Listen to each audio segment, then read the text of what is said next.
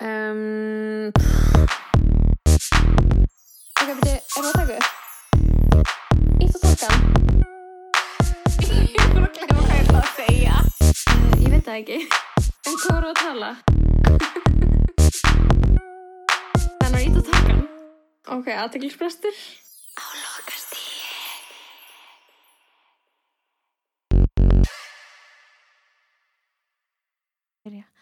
Byrja. Eitt fyrir að byrja. Eitt fyrir að byrja.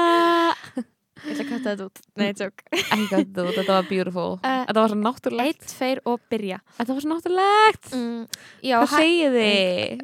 Hvað segir þú? Ég segi ógæslega gott, sko. Uh, velkomin í 30. þátt maður. 30, big 30. Ég var að skoða inn á, inn á hana, hana podcastin okkar hvað við erum búin að gefa út marga þætti og við erum búin að gefa út 29 og núna 30 sem it's a milestone Vá, hvað er að gera til að fagna? Drakka Uh, vatn úr, úr fjölnóta vassbrúsunum okkar sem við erum alltaf með. Ok, já um, Fá okkur lummu. Ég held upp á 30. hlaðvarpsþáttin með því að trýta mig og kaupa mér 500 millilitra vassflösku úr GG Sport Nalgene, made in the USA made in USA uh, á 2800 kall Vá. og ég elska, ég er búin að eiga svo marga svona, ég er alltaf að týna þeim sko. -hmm. og þannig að einu svona datt, þetta er svo stert þetta plast, vinur minn datt einu svona á svona brúsa og rifbensbrotnaði Er það grínast? Nei, ég er ekki grínast. Þetta er, veist, þetta er plast en þetta er samt sko mjög hart. Þetta er hana og ég er elska þetta. Eiginlega samt alveg tíma finnst þetta flott Þetta er svo- lóalegsti brúsi sem ég sé. Er uh, I wish you could see it. ljósfjólbar, blár og gulur og já, ég er sko í alveg síðan ég fekk hann bara búin að starra á hann ég fór nefnilega sko í útivistabúð með bróðum mínum að kaupa hann var að kaupa sér gönguskó og ég ákvað að tala við sölumannin og beða hann um að gefa mig tilbúð í hérna, allan pakkan af skýðum Ok. Og ég randomly er að spá í að kaupa mig skýði eða samt ekki það randomly, skilur ég er alveg mikil skýðakona Að það? Já, þú veist ég elska skýða en ég er svona, fjölskylda mín er ekki alveg nógu mikið middle class til þess að hafa keift á mig skýði eftir ég var að ákveðin saman þannig að Sko, það er sko, fjölskylda mín geti litið út fyrir að vera íþjóttumannsleg á margan hátt. Hverju þá ertu að tala um möggustínu söngkonu Já, sem að lítur út Leifs? eða Tóta Leifs uh, rithönd og Facebook frömið með meiru. Ég hérna, uh, sko, að þau gætu verið svona, þú veist, eitthvað, mamma fræg, fræg fyrir uh, margt en aðla fyrir að vera alltaf í sundi.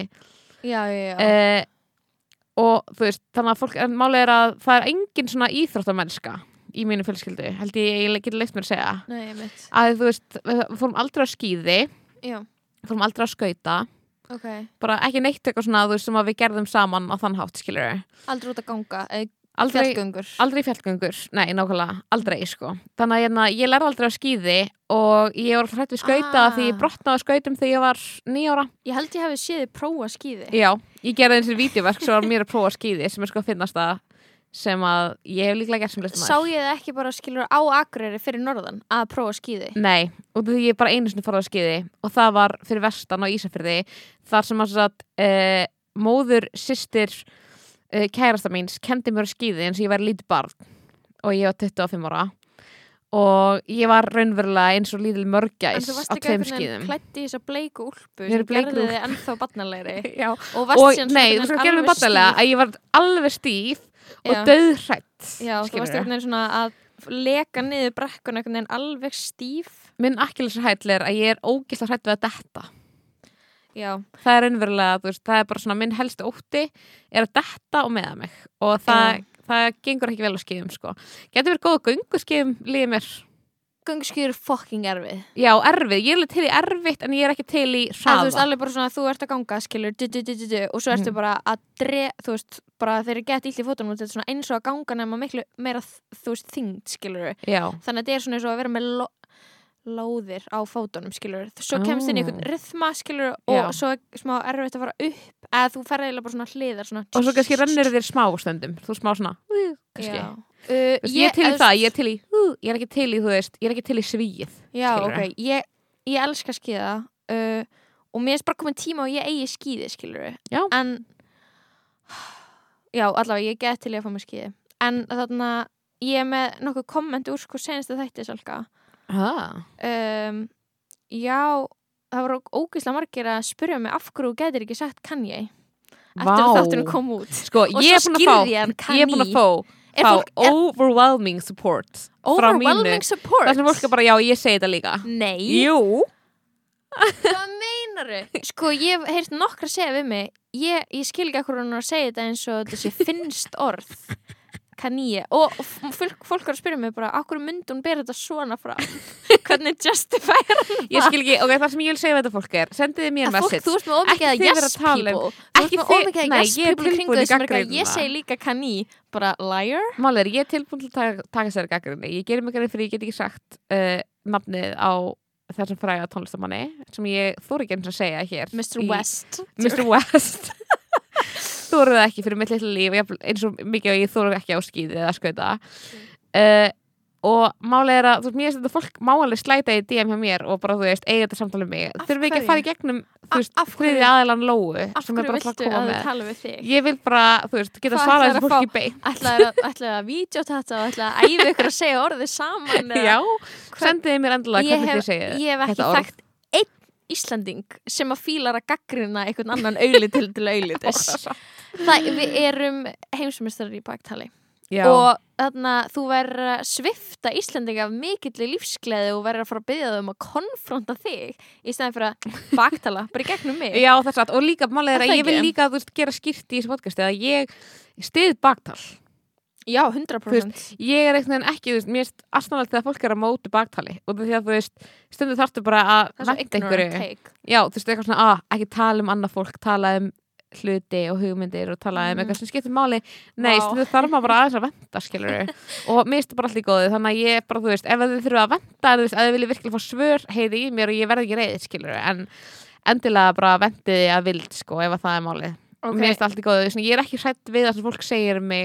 að að í ég um baktali. Hvernig liðið með það, ertu hrætt við það sem fólk segir um þig í baktali?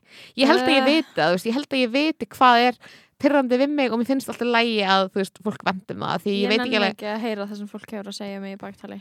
Nei, ég vil ekki heyra það það er nefnilega málið með baktal, Ég vil ekki heyra það. Ég vil ekki fólk segja það endilega við með beint nema að sé eitthvað sem ég get breytt. Ef ég er eitthvað smá pyrrandi sem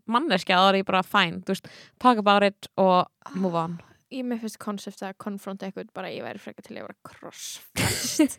Heldur en að en hei, heldur en að segja hei heldur en að segja sko ótið þegar mér svo þægilegt eins og ég get sagt þetta kanýdót við þig Mhm. því það er ekki real thing skilur já, en ég geti aldrei verið eitthvað við, vin, við vinkonum mínar einhverja vinkonum mínar bara heyrðu þetta dæmi it's a real problem skilur Já, ég en gæti það ekki. ég var bara fatt um daginn eitthvað svona sem að er hljóma kannski ekki toxic en ég var svona eitthvað, á vá, þú veist, það eru hlutir sem að færi töðunar á mér við allar bestu vinkonum mínar sem eru litlir, skilur hvað meina? Og ég, Ó, mér er svo mikil ekki óþarfi að stórir. segja þá. Ekki stóri líka, það má alveg vera stórt. Ég held, ég veit það ekki ég það má alveg vera svona þú ert toxic. Herru, Salka, great minds talk about ideas Ó, average minds talk about events Ó, and events. small events and small minds. Talk about people. Eleanor Roosevelt. Eleanor Roosevelt? Eleanor, get Eleanor fucked. Roosevelt. Get, get fucked. Andjóks. average minds. Já, discuss events. Ok, mér finnst það svo fyndið, hvaða events pa, eitthvað svona er, ertu bara eitthvað, á, seinasta helgi eða skilur, hvað er þetta events sem þið eru að ah, ræða þú, þú Er það ekki average svolítið- er það ekki um, svolítið um events? viðburði af hverju er það ekki inn í people people and events, mér finnst það svo nátengt, hvaða Hva, events hvað er það að tala um? Bara partíi síðustu helgi? já, en þá ertu að tala um the people þú veist, hvað ertu annars að skræpa skilur skreitingunum og drikka veitingum. Eleanor Roosevelt já, var uh, illa upplýst vil ég meina sko bara þetta er illa upplýst tíðarandi þetta er kvót annar tíðarandi ég vil veit hvað event hún var að tala um borgarstríðið the inauguration var hann að tala um það sem event uh, hún var að tala um kostninguna þegar að Mr. Roosevelt maðurinn maður hann uh, sem eins og fræktur Mr. orðið Roosevelt. heitir Mr. Ro Ro Roosevelt ég er ekki að reyna að segja en segir maður ég, ekki Roosevelt ha, Roosevelt Akkur segir maður Roosevelt? Ég hef aldrei heyrt það sagt þannig. Að, ert að koma með eitthvað svona grín út af þessu kaníu dæmi Ertu að þykist ekki geta ég sagt held maður að segja Eleanor Roosevelt? Af hverju heldur það? þetta er tvö ó akkur að það að gera það er ó eða ekki- einu? það er ekki samt alltaf þannig að ef að eitthvað er einu sem er sagt einhvern veginn með tveimur óum þá er það alltaf þann, sagt þannig skilurðu getum við googlað? Það? Ég, ég er að gera það núna. Ég er alveg viss. Nei, ó, þetta er hann Roosevelt. Roosevelt eins og ég sagði Roosevelt. Roosevelt Já, ekki Roosevelt Þetta er röglega eitthvað svona hollenskt nafn, skilur Þetta er Roosevelt. hollenskt Annað en Kanye sem er alls ekki hollenskt Roosevelt. Af hverju getur hann ekki verið hollenskur þó hann sé svartur? Akkur hljómar þetta Alec Baldwin Þetta er potið Alec Baldwin talandi um hann um, En já, vá, ég man ekki eins og hvað ég ætlaði að segja Ég ætlaði bara að segja að það væri þrítasti þátturinn uh, og ég er bara fersk en er þú ekki bara fersk? Ég er mjög fersk, ég sko gett til í að tala um Alec Baldwin af því að þegar við vorum hérna fyrir utan við ætlum að byrja að taka upp pod en við vorum lestar úti af því að þetta er aðteglisbrestur og lokastíði og við lifum aðteglisbrestur og við þannig að við erum lestar úti, við erum seinar. Tókum alveg klulla af því að vera að býða fyrir utan. Já, og uh, tókum góðar nýju mínútur af þeim tíma. Er þetta nýju Þetta er mínútur langt vídeo sem uh, konan hans, Hilaria Baldwin sem er vist, uh, væri búið fram Ilaria, Ilaria. Ilaria. Ilaria, Ilaria Baldwin. Baldwin. Og hún heitir náttúrulega bara Hillary Lynn. Skilur við Já, uppáfulega, heitir hún það. Og einhvern veginn uh, hefur afskræming fræðarinnar orðið þess að hún kalla sig Ilaria, Ilaria Baldwin, Baldwin. Hún er eitthvað- við erum sko búin að vera einhvern veginn að minnast á hana svona einhvern veginn svona droppa nei, nafninu hér og þar sko, það sem við verðum að segja um þetta er að það er rosalega mikið af hlutum sem eru búin að, búin að langa ræða í þessu poti en þeir hafi ekki komist fyrir fyrir til dæmis sem Stórum málefnum. risastóru málefnum sem að voru til dæmis jólun og áramótin og áramóta West. uppgerið Kanye West og skilnaðurinn Kanye.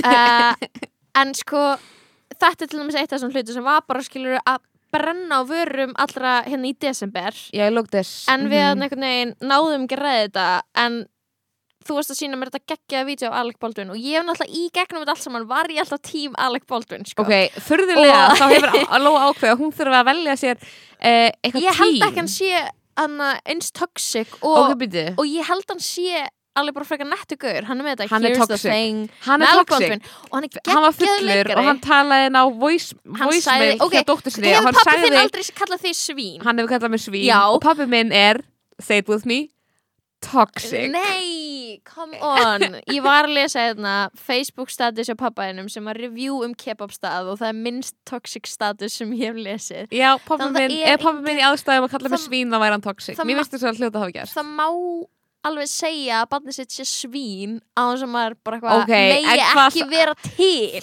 Ok, þú, 15 árum þú seinna. ert að láta það hljóma eins og Alec Baldwin hafi Það er sagt ekkert svo ofbeldis ok. fullur hlutur að kalla barnið sitt vá. svín Það er ekkert svo ofbeldis fullur hlutur Þú veist, sorry, það er ekki allir ykkur Ray parents, skilur, það er ekki allir En hérna eitthvað hlustaður á þetta allt Hvað? Voice message? Hann kallaði hana rude, thoughtless little pig Hver hefur ekki verið kallar eitthvað þannig af fóreldra sínum þegar það er verið að skamma þú mann? þarft, þú þarft sko therapy til þess að skilja Sko ég anna, var að followa börnin hans á TikTok, anna eldri, Býtu, til dæmis Ireland.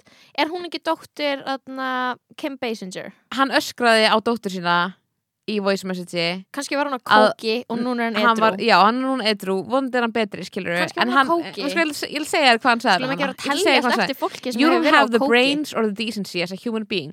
I don't give a damn that you're 12 years old or 11 years old or that you're a child or that your mother is a thoughtless pain in the ass who doesn't care about what you do as far as I'm concerned. Once again, I have made an ass of myself trying to get to a phone. You have humiliated me for the last time with this phone. Um, þannig að þú veist, það er Uh, What is reyni the problem? ok?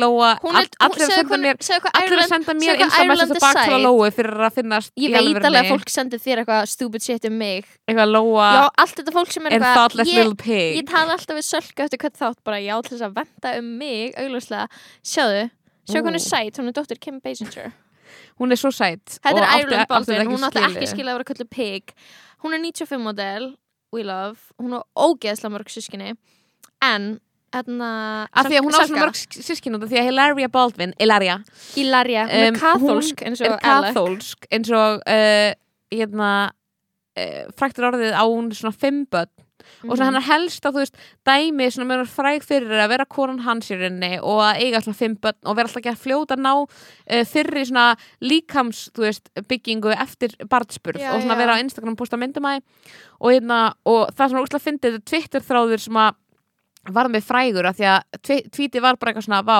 you gotta admire Ilaria Baldwin's eitthvað resilience in uh, pretending to be a Spanish person in imitating a Spanish person for more than a decade Aha. og það kom bara svo fullt af vídeo um það sem var bara eitthvað hún að uh, í einhverju vídeo eða að í einhvern uh, matreislu þátt að segja how do you say in English a cucumber og eitthvað svona sem ég látast ekki vita hvað gúrka væri á ennsku sem er ógísla fyndið, þetta er bara fyndið skilur, þetta er svona dæmi um svona cancel culture dæmi sem er ógísla fyndið. Það er ekki næðan að cancela reynd beint Það er alltaf er er bara að hlæja hvað er ógsta fyndið. Og hún er alltaf eitthvað svona tala um eitthvað rætur á spáni og svo svona kom í ljós og það rætur væri meira eitthvað svona fóldrarna hefði búið á spán, spáni nokkur ára Nei. fullorðis árum skilur hennar. Já, sko, það var meira þannig að sko, hún, að, hún segist einhvern veginn hafa alls upp á Spáni en hún basically fór til Spánar í fríum. Já, sem allir íslenskir krakkar gerðu, annarkur íslensku krakki eitthvað svona var á Tenerife eða vera óksla fyndið að vera eitthvað Eitthvað vera bara, já, 93 ég er model- spænsk í raun. 93 mótil og grafóinum sem var eitthvað búin að fara til Alicante með fóröldur sinum og vera eitthvað ég er spænsk. Og hún alltaf, hún tala sko spænsku. Og, eitthvað, og það er eitthvað svona liggur, veist, það er búið að vera okkur gráu svæði. Já. Hvort hún sé eða þú veist hvaða, hún er aldrei búin að segja hreint út að hún sé spænsk. Einmitt. hún er bara búin að vera pretending. Já, og svona vera með eitthvað hreim alltaf, eitthvað svona sem bara enginn kannast við að hún hafi verið með áður. Og þú veist, og bara fymta barnið hennar sem hún eignaðist heitir Eduardo Pau Lucas. Og það heiti hérna- alltaf eitthvað svona Gabriel Já, Romeo, An- Alejandro, David Leonardo, Angel, Charles Rafael, Thomas Carmen Gabriela. Já, það er ógeðslega fyndið. Og svo Alec Baldwin bara dóttur sem heitir Ireland og ég er bara að þið eruð hilarious.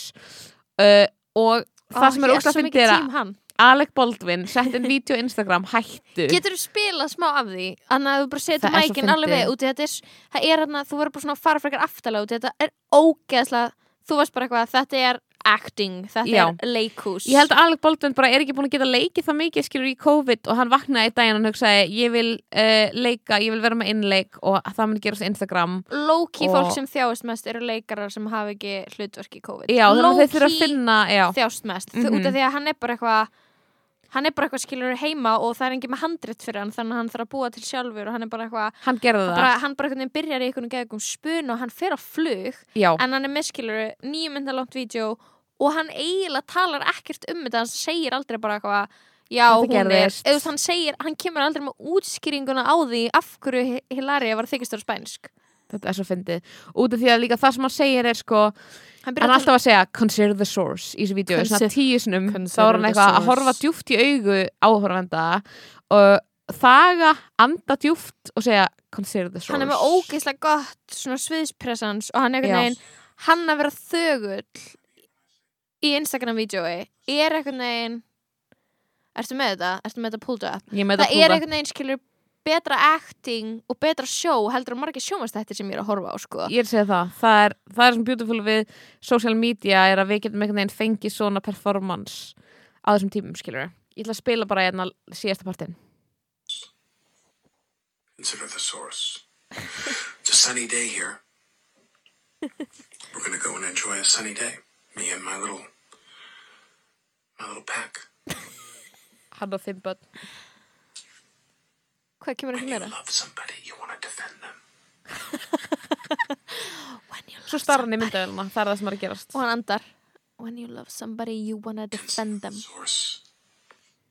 Vá, þetta var geðið Þetta er hella, þetta er hella Uh, performance. Og ég vildi bara tala um henni performance og hveiti allar til að fara á Instagram hjá Alec Baldwin og sjá hann bara act the shit out of this. Hann var bara, hann, það sem hann talar um í þessu vídeo er ekki Hilaria Baldwin, hann talar um Facebook og Instagram. Facebook, Og Instagram, Twitter, og hann talar um Jeffrey Epstein og hann hafi ekki verið í Epstein. í Já. símaskráni á Jeffrey Epstein þrátt fyrir uh, numerous reports og að hann uh, og að sko Twitter sé eins og uh, skransala þar sem þú getur séð óksla mikið af diskamottum, nei ekki diskamottum Jú, glasa Glasamottum. coasters þú veist, Toasters og hérna sumar eru flottar, sumar eru ljótar uh, flestar eru drast Stundum kosta 10 finnurðu flottan ramma. stundum finnur flottan ramma as in gott tweet. Þetta var eitthvað svona metaphor fyrir ótrúlega það að stundum sér maður rusl á Twitter og stundum eitthvað æði og hann sagði eitthvað, ég hef sjálfur kontributað í þetta rusl á Twitter. Þú veist, ég hef ekki getið fyrir leikús lengi og ég er bara þakklátt fyrir að leikarar séu bara giving me content á þessum tímum Hann er sko- það sem að ég tók frá þessu öllu saman var bara að ég hef aldrei verið jafn sam, enginn hefur jafn vel sett í orð tilfinningar mínar um samfélagsmiðla. Vá. hann fór á eitthvað svona rant um samfélagsmiðla og hann er eitthvað svona eitthvað I'm on Facebook da, da, da, news. Og svo er hann eitthvað svona I'm on Twitter, Twitter sucks. Og ég er eitthvað gett saman á því. Og svo er hann eitthvað svona I'm also on Instagram. I like Instagram. Og svo kemur hann eitthvað Unfortunately it's owned by Facebook. Og ég er eitthvað nákvæmlega. Am I right? hérna bara Þú varst bara eins og verið að ljóða slammi Þú varst bara- hérna þú veist bara eitthvað þetta er svo, þetta er svo accurate eitthvað neginn, Ah. við líðum nákvæmlega eins. Unfortunately it's owned by Facebook. Pældi, ég, þetta er bara, þetta er spunna á staðnum sko. Og svo er hann maður eitthvað væri svona til að vinna með honum sem leikstjóri þú veist, þá væri maður mjög til að vinna með einhverjum jafn kreatífum hann er Alec góður leikari ég skal gefa honum það, ég skal vera tím Alec Baldwin when it comes to acting. Ég vil ekki verða þegar kemur að 100% eh, og líka að parenting líka parenting. ekki parenting, svo- hættu! Allir Mér að lóa við mig í mér DM í alveg ég er sko- brjáluð Salka, mér finnst þú vera komin á svo hættilega stað þegar það má ekki lengur segja að barni setja svín það er ekki eins og vera að reyna að, að skamma ef að hann. Það barnið var er ekki eins og það 11-12 hann hafi verið ára að svín. segja eina, eina voice message hjá, hjá þú veist, inn í talhólf hjá 11-12 ára dóttinni og segja að hún sé hugsunarlaust og heimst svín þú veist ekkert hvað hann var búin að gera ekki svo símanum, það var eina Hva, hversu Ó. slæman hlut, gerður þegar þú varst 11 ára eða 12 ára hversu kveiktir tókst óslega mikið peningum af honum og eittir þeim í þú veist, það er basic 11-12 ára behavior. Það er, það er ekki, það kallar ekki á ég það kallar á better parenting. Ég held að sérst búin að gleyma sko hvað þetta er erfir aldur. Og þarna, já 100% bara ok, að við þurfum að sko áður við byrjum að rífast já, að ok um, þetta er, sko, í rauninni er þetta að þegar hann var að tala um Epstein. Hann var að tala um Epstein og ég var eitthvað svona ég, ég 100% trúði því þegar hann var eitthvað svona I was in his phone book but it was a dummy line. You couldn't really use that line. Skilur hann var eitthvað hér. Og ég var eitthvað já, hann var pottit ekki neinu þannig dóti veistu og ég var bara I veistu believe hver, you. hver var líka í símaskráni hjá Dorrit Musef já, já, og ég, þess vegna var ég eitthvað svona já, Ertu tím Sir- Dorrit líka? um, nei eða þú veist, ég er bara hvorki nýja á Dorrit sko, en ég er alveg ég veit það ekki.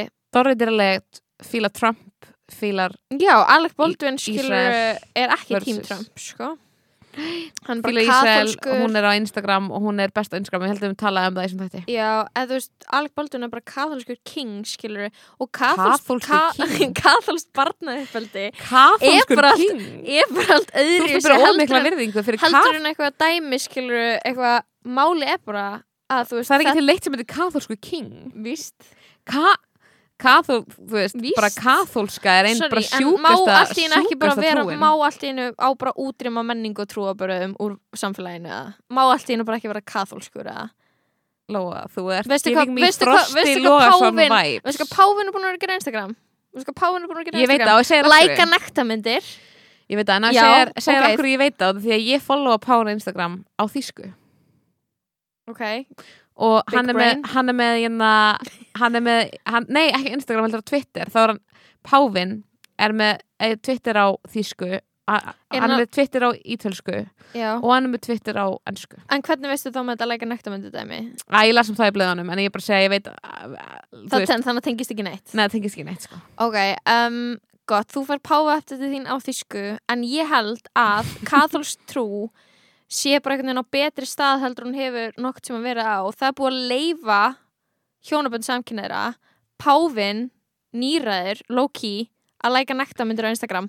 Sorry, en það er En- ekki en lengur neitt að þessu trúabræði Jú, allir þeir- Nei, það er búið að reka þá alla. Nei, nei, nei, nei. Heyrðu, þurfum að fá Þóra Tómasdóttir back of the pot. Reka Tómasdóttir þarf að koma aftur hingað til að tala um þetta því að það er enginn sem þú myndir hlusta á annur en hún held ég Þóra Tómasdóttir Pávan, Alec Baldwin, Kanye West uh, Kanye West uh, Já, þannig að þú ert á villigutum sko. þetta er, Ég held að þetta, þetta sé nákvæmlega sem hefur gæst í Ég held að þú veist Harmageddon eins og 2020 var svona árið þar sem við vorum eitthvað hating on men Þú varst radicalized og árið einhverjum 2021 er eitthvað svona árið þar sem við ætlum að beina tókst- spjótum okkur að Þú ætlaði að taka, taka getnavarðapillina en þú tókst black pill Hvað er þetta? Red, Red pill. pill.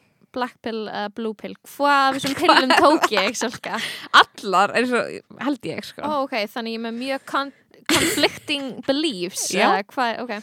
Það er það sem ég vil segja. Nei, ég tók e-pilluna. Ég er bara full af ást. Og í garð allra þessa kallmanna bara kallmanna, ekki barna sem eru misnönda katholsku kirkjunni Hei, ég var ekki að tala um þau. Ég, þau hatar börn. Nei, þau er allar mínu saman þú hattar Island Baldwin sem var katholst barn 11-12 Hún ára. er geggju á Twitter, hún er geggju á Og TikTok.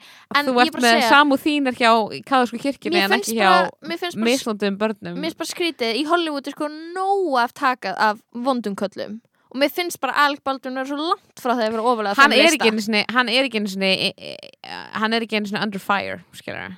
Það er enginn að gaggrina hann. Fattar hvað ég meina? hver? Þú, áðan. Þú veist að segja að hann væri toxic? Hann er toxic. Það er enginn, hann er mjög langt niður að lista við svona fólk sem er almennt gaggrínt skilur ég er ekki, ég er ekki að þú veist, ég er ekki að sparki leikjandi mann skilur, engan veginn engan veginn sko.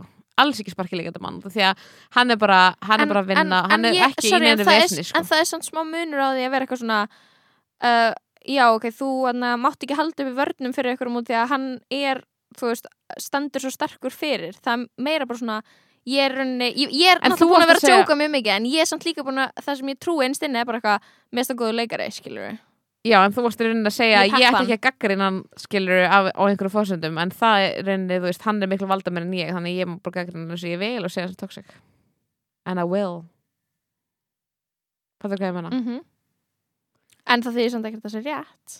Það þýðir samt ekkert endilega að hann sé ógst toxic. Allt sem ég segi er rétt. Það, þess vegna er ég með podcast. Það er því ég held að allt sem að ég segi sé the best opinion.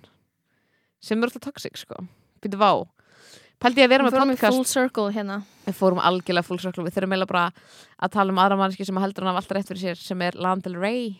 Mm Lana Del Rey er ekki búin að geta sagt um, uppbyggjandi hlut þú veist, hún er ekki búin að ná einhvern veginn stjórn á sínu, Brandy svona sínu brandi mjög lengi Sko, Hefur þú ekki eftir? að þú veist, mér er svo leðilegt með Lana Del Rey út af því að skilur þú veist, ok, það sem við vissum alveg að hún heitir skilur Elizabeth Grant skilur, Mhm. og hún heitir ekkert Lana Del Rey Mm -hmm. og við vissum bara eitthvað að hún á gett ríka fóreldra Mhm. ok, we were fine with that og svo hún bara að gera eitthvað sad girl tónlist Já. En það er bara erfitt að vera í fanbaseun hennar út af því að þú veist uh, hún er alveg Taylor Swift sko. Já, hún er það sko. En, en ég er samt svona oh, það er svo eitt í þessu er bara eitthvað stundur liður mér eins og bara eitthvað gælur eins og hún sem er eitthvað svona ætla að vera eitthvað svona smá pólitískar hún, hún tekur eitthvað svona afstöður og eitthvað svona bleh. úst, mér finnst eins og hún sé bara eitthvað neginn já, ég veit það ekki. Hún er algjör algjör svona hvíta gælan sem við tölum um í senasta þætti. Já, eitthvað svona, ég get ekki gert neitt ránt og því ég er kona, skilur við já því kona og því ég hef gengið gegnum hluti skilur þú veist, hún hefur eitthvað svona e, þú veist, einhvern veginn það sem hún er að syngja um tónlistin sinni er eitthvað svona toxic sambönd við eldri menn og eitthvað skilur og hún er eitthvað svona, ég gengi gegnum hluti og ég, þú veist, gert alls konar þannig að ég get ekki gert mistök þegar kemur að einhverju svona rasisma og eitthvað þannig að það er ókslega, málið með landur reyða sem var að gerast núna er eitthvað svona að hún var að gefa út nýja plötu mm -hmm. sem að heitir hvað? Chemtrails Over the Country Club Já. sem er fara að koma út í mars á þessu ári Já, hún þú veist, hún einhvern veginn er sko þetta er svo ógíslega fyndið Þú veist, bara svo margt sem hún gerir einmitt líka fyndið skilur, ég er náttúrulega ekki ég er ekki eitthvað ég veit ekki hversu relevant hún er líka í einhverjum svona pólitískri umræðu sko, ég held að þú veist, hún ætti einhvern veginn Hún hef- hefði betur sko bara sleppt einhvern veginn þessar umræðu sko.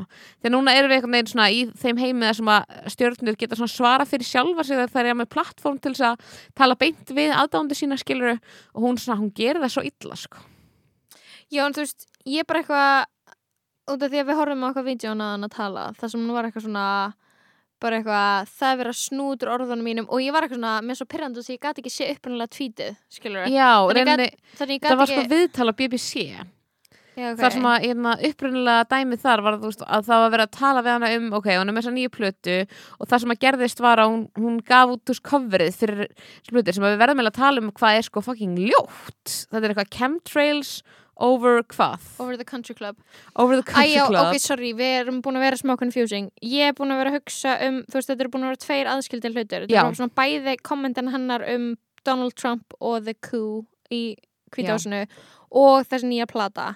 Já, og hún var, þú veist, í rauninni, þú veist, að tala báðasluti á BBC, veist, og það sem að, hérna, var kontroversi, þú veist, um uh, þetta, hérna, plötuumslag sem hún gaf út, er að þetta er mynd af henni með fullt af einhverjum konum. Þetta er sko ógstæða ljótu mynd, þetta er svona sjá. svartkvít mynd sem einhvern veginn, hver sem er hefði geta sett upp með ógstæða mikið af konum sem eru svona ekki það flott stíli sér þar, og er allt þetta er konur? ekki fashionable, hvítakonur uh, já, s- já, sko, í rauninni, þetta er ekki allt hvítakonur, þú veist, það eru einhverju konur, þú veist, einhverju tvær, þrjár konur á myndinni sem eru hérna, ekki hvítar en uh, hins vegar er bara svona heildarlúkki á myndinni er mjög svona hvíti country club og þetta er bara ógstlega ljótt lúk. Þetta er svona að vera að taka eitthvað svona lúk frá einhverju fortíð sem er bara ógeðslega pleppaleg og þetta er svona ekki það góð mynd að þeim og þetta er svona, svona vinamynd tekin út að borða. Og það er kannski bara konseptið eitthvað svona, við erum út að borða og þetta er bara svona einhver Instagram mynd. Ég er bara svona, skil Ok, ekki sko- að velja hana sem eitthvað albumcover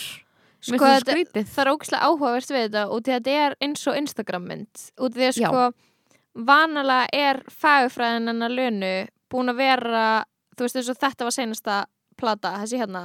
Mm og er svona ok þú veist uh, og hérna Born to Die skilur -hmm. mér er alltaf fundist hún sko vera bæði nett og ekki nett. Já, og það þegar er þú veist, ég til dæmis sko fíla lögin hennar en æstetikin hennar hefur alltaf verið svona þú veist, þegar þú fílar eitthvað tónlistamann eh, þá er svona fílaru að tónlistamæðurinn tek, tekir sér stundum leifi til þess að vera þú veist, þremur skrefum á undan í tísku Mhm. en Lana Del Rey hefur alltaf verið í tískunni sem var í tísku seinasta sumar Já, þú veist, þegar hún skilur var svona mér finnst það svo áhugavert og því að þú veist, hún, það var alveg gert vel, það var augljóslega þú veist, Mhm. eins og þessi vídeo þar sem að hún er æ, æ, reyndar var Venice Beach. Æ, ok, ég ætla ekki að segja allt sem hún hafi gert hafi verið ugly, skiluru Nei, en það er svona eitthvað, eitthvað við hana sem var bara svona smá eins og Gjalla hefði fengið filmumyndavél á Tumblr og þú veist, og eitthvað svona Pinterest og bara svona fagurfræðin var bara eitthvað svona ekki það þróuð Mhm. en maður var eitthvað svona na, skiptir ekki máli út í að þú veist bara eitthvað þú veist, I Að love your sound einhvern já, já, bara, já. það var bara eitthvað ekkert eitthvað groundbreaking tónlist en bara svona, ok, þetta er vibe skilur Mhm. en það er Hún er Þetta- smá með alltaf eitthvað svona eitthvað 50s obsession eða En- eitthvað svona þannig sem að ég er svona eitthvað oh, það er svo boring, skilur Já, og maður er eitthvað svona spyr sig, skilur, er það bara eitthvað record company curation, eitthvað, látum þeir bara lúka svona, mm ég veit ekki, eða hún er kannski bara eitthvað obsessed yfir Ég held að hún svona í grunninn sé bara ekkert með gett sterka listrana sín með það sem hún er að gera Ég held að það sé svolítið málið Mér finnst bara eitthvað landir rey vera eitthvað svo afleitt nafn. Það er að afleitt. En allavega, Og hún sem að gefur þetta plötucover þetta er sko bæði, er fontin hérna uppi ljótur mm -hmm. og eitthvað svona eins og 90s bíómynd og svo eitthvað, eitthvað við þessa mynd og hvernig hún, upps, hvernig hún svona einhvern að þetta er eins og eitthvað hafi smelt mynd, álega ágæta myndavel út að borða Já, já, eða eitthvað svona og svo er eitthvað svona ógeðsla basic black and white filter settur á já. og svo instagrammað en þú veist þetta er ekki, þú veist Beyoncé instagrammar betri myndum heldur en þetta. Já, þetta er smá eins og sko e- svona hagkaupsbæklingur. Fattarðu? Þetta er góð mynd á þann hátt. Þetta er svona er og professional ljósmyndari með engan stíl.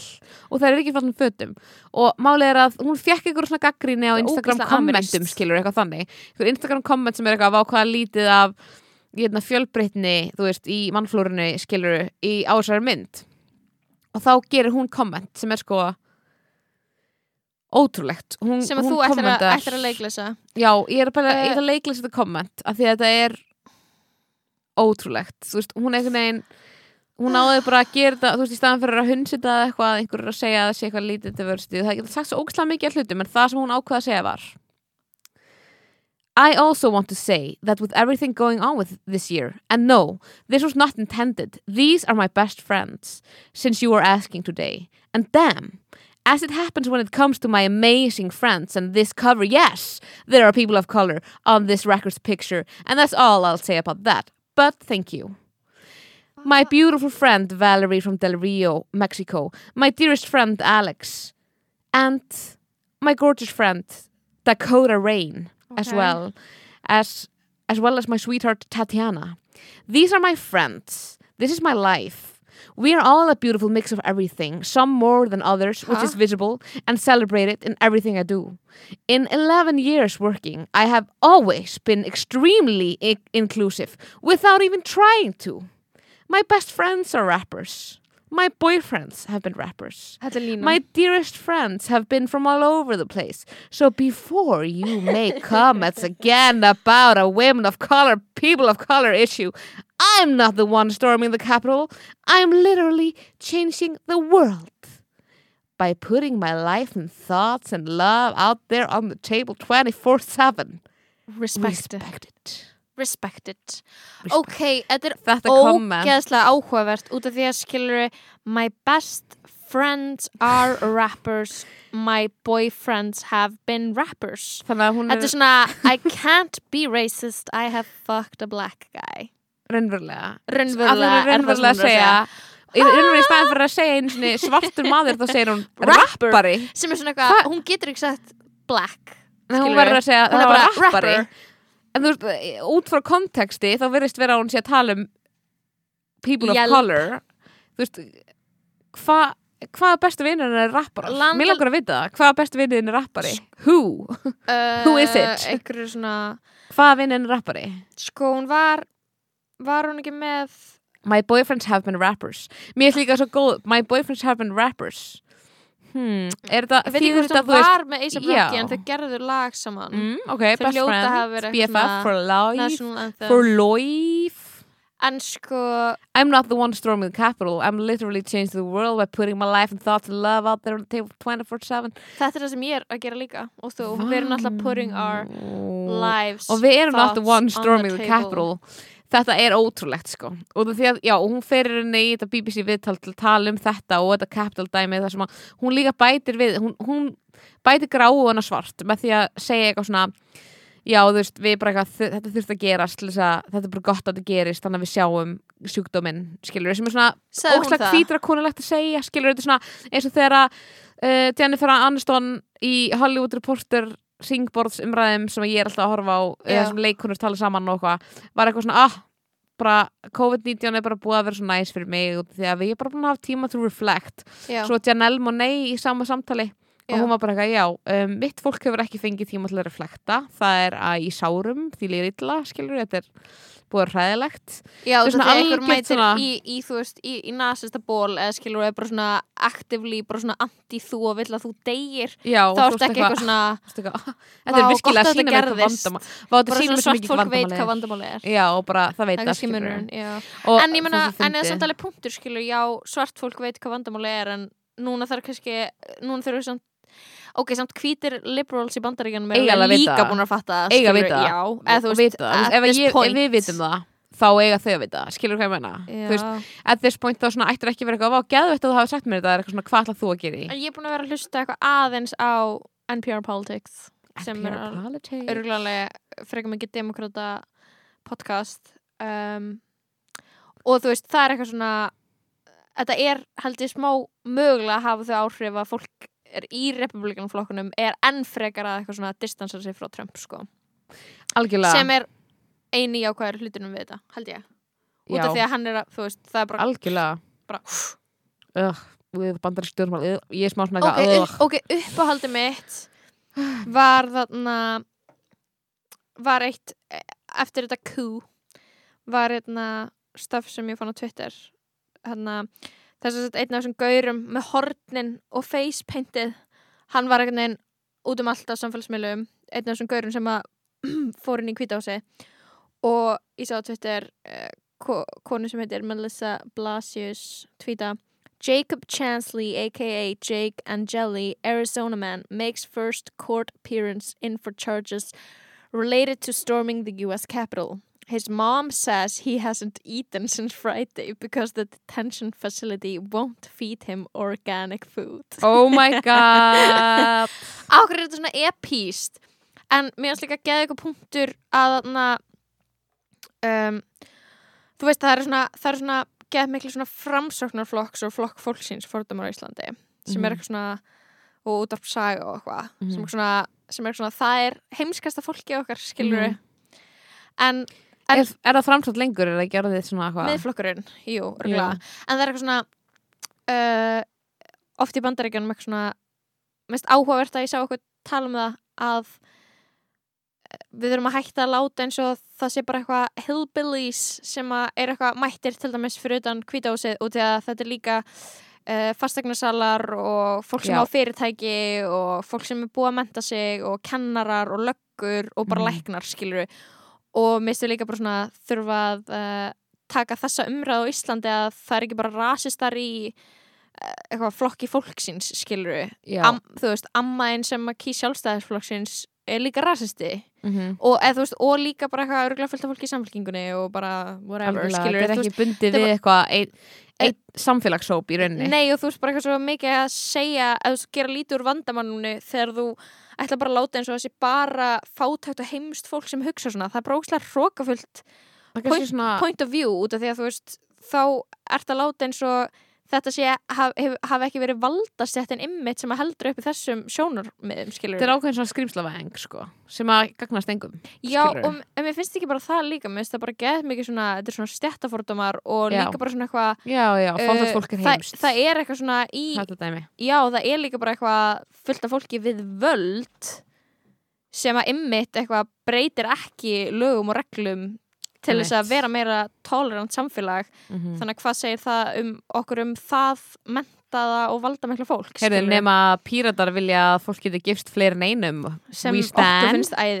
Okkur finnst æði. Þetta er allt gert til þess að Helgi Hrafn megi giftast tveimur konum og einum páfagauk Í sko platarsku sambandi við Págaugin sem hann leiði já það er með. ekki kynferðslegt Hann leiði með honum. Þetta er 100% bara meðlegandi. Þetta er bara En meðlegandi en for tax hann er hluti af fjölskyldun hans Þannig að þú veist, 100%. það er ógæslega valid ógæslega legit og ég dyrka það sko. Þannig að þú veist, ég var eitthvað svona Æjá, I love it. Það er bara svo fyndið að vera í heiminum eitthvað svona Já, ég var bara dyrka það, þetta var eitthvað svona Það er ég er líka með dýrka að Inga Sæland var á móti það er bara eitthvað svona Var hún á veist, móti? Já, hún var eitthvað svona, þetta er ekki tímabært. Og ég er eitthvað svona, já. En þú veist ég, svona, ég gæti ekki ímyndað mér aðstóra sem ég væri á móti þessu. Mér veist, ég get ekki ímyndað mér það sem að, það sem að, það sem að með stofnun hjónabandið? Já, það sem að hjónabandi sem stopninu myndi skipta með einhverju máli. Ég bara svona get ekki ímyndað mér aðstæðunar þegar fólk er eitthvað þau megið ekki það hanna að það eðilegur Hjónabandið. nei það sem hjónaband. hjónabandið þitt er Jón alkoholistinn maðurinn. Já, nákvæmlega, og engin annar.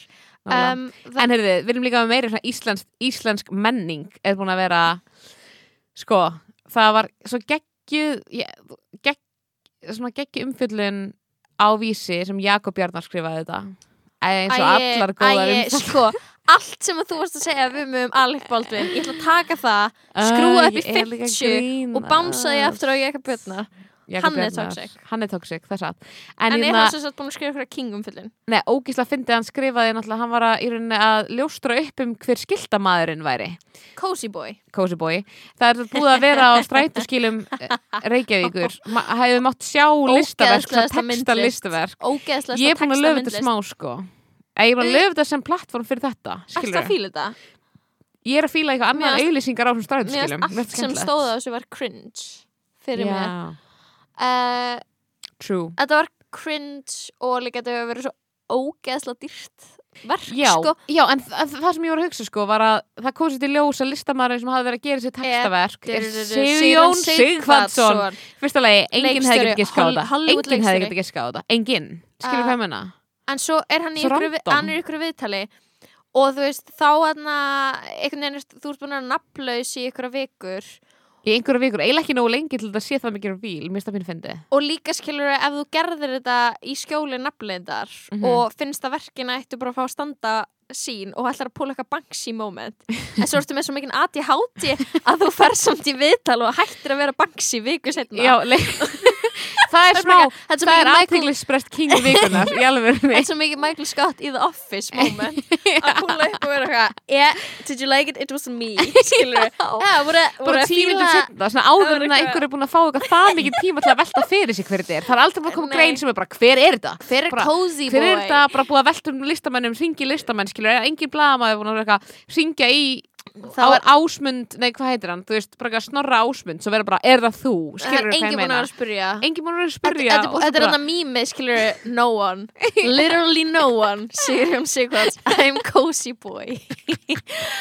Það uh, já, Já, það, en sko líka, það er ógslag að finna þetta því að að hann er eitthvað svona í viðtali, í drottningar viðtali sem Jakob Bjarnar tekur við hann. Sem Jakob Bjarnar tekur. Ég sé fyrir Þannig sorry, þegar Jakob Bjarnar tekur þessi lang mynd. orðasti fjölmiðlamæður á Íslandi. Ah, hann er bara með þessi orð og þau, þau flækast einhvern veginn fyrir honum en samt ekki og þau raðast niður það er svo mikið að komum Já, það er mikið að komum Í- en sko, þetta viðtal er svo langt Ó, og þú skilur ekki, mennur að tekka þessu viðtalið því að þetta er þetta er lengsta viðtal. Þetta er er, viðtal er, þú veist, í, ef að blaðið væri prentað sem var líklega var en ég veit ekki hvað prentmiðli er því ég vil ekki fá svo leiðis heim til mín, skilur þá væri þetta, þú veist, sex blaðsýr þú veist, þetta er bara svona, bara fáranlegt svona um allt, um líf hans eins og, eins og þessi listamæður sé það mest anticipated, bara allir hafa verið að pæla í sig og allir vilja veita allt um sig og Sigurdsson. Ég elska það smá, þetta því ég elska hann smá. Hann Sigurjón Sigvards já, ég fíla hann sko. Ok. hann er svona einhver gaur sem eitthvað Þannig að þú mátt. Sigurjón Sigvards en ég má ekki fíla Alec Baldwin Ok, ég er að tjóka, ég skal droppa þessu. Ok, sko, hann hann fór er til Hollywood. King skilur, hann er búin að er gera það sem að engum Íslandingi hefur tekist. Já, og pródúseraði David Lynch myndir. Mhm. hann pródúseraði Wild at Heart með Laura Dern og Nicolas Cage Iconic. Hann pródúseraði Twin Peaks. Hann er lítill indie strákur hann er lítill indie hann er, er uh, kvikmyndafræði Ah. Boys Wet Dream. Já, hann er það sko. Er hann, hann er nettur sko. Er hann ekki nettur? Ég Já, en þetta Cozy Boy var ég- cringe. Þetta er cozy boy, en hann er líka einhver svona meðaldra maður sem er eitthvað ég ætla að gera list. En þetta er eitthvað svona dót sem að svona, er þetta ekki eitthvað svona edgy list frá meðaldra manni pínu? hann, hann er, hann vil gera svona edgy list og þetta tengist einhvern veginn sko internetinu. Þetta var einhvern veginn hans sko þetta er einhvern veginn hans pælingar um einhvern veginn svona samskiptamáta og eitthvað svona hvernig við orðin og tungumálið og eitthvað. Og líka með sko höfundarétt og eitthvað stel einhverju dóti, þetta er einhverja myndir sem eru stolnar og síðan eru settar þarna og það er nýtt listaverk eitthvað, pínu old school pínu, ég myndi segja þetta er svona pínu old school listaverk skilur svona þetta er pínu eitthvað svona 80s dót sko. þannig að þetta var menningamónt vikunar þetta var menningamóment vikunar sko. Æðislega. Vel gert cozy boy Já, I love it sko, mér ásett eitthvað mjög skemmtilegt sko, það var skemmtileg, skemmtilegt uppbróti lífið eins óumbeðið það var. En svo er annað sem allir eru búin að að tala um sem er Bridgerton. Já, Það er ok, sko, að um Bridgerton er, er þættir sem að, sko, ég ætlaði að tala um en ég náði ekki að tala um þá. Líka einhvern veginn, ég- út í ég held að sko, þú varst ekki mun að horfa á þá. Út, ég bindja á þarna einhverja nótt sem ég var að mm. reyna að klára að hekla.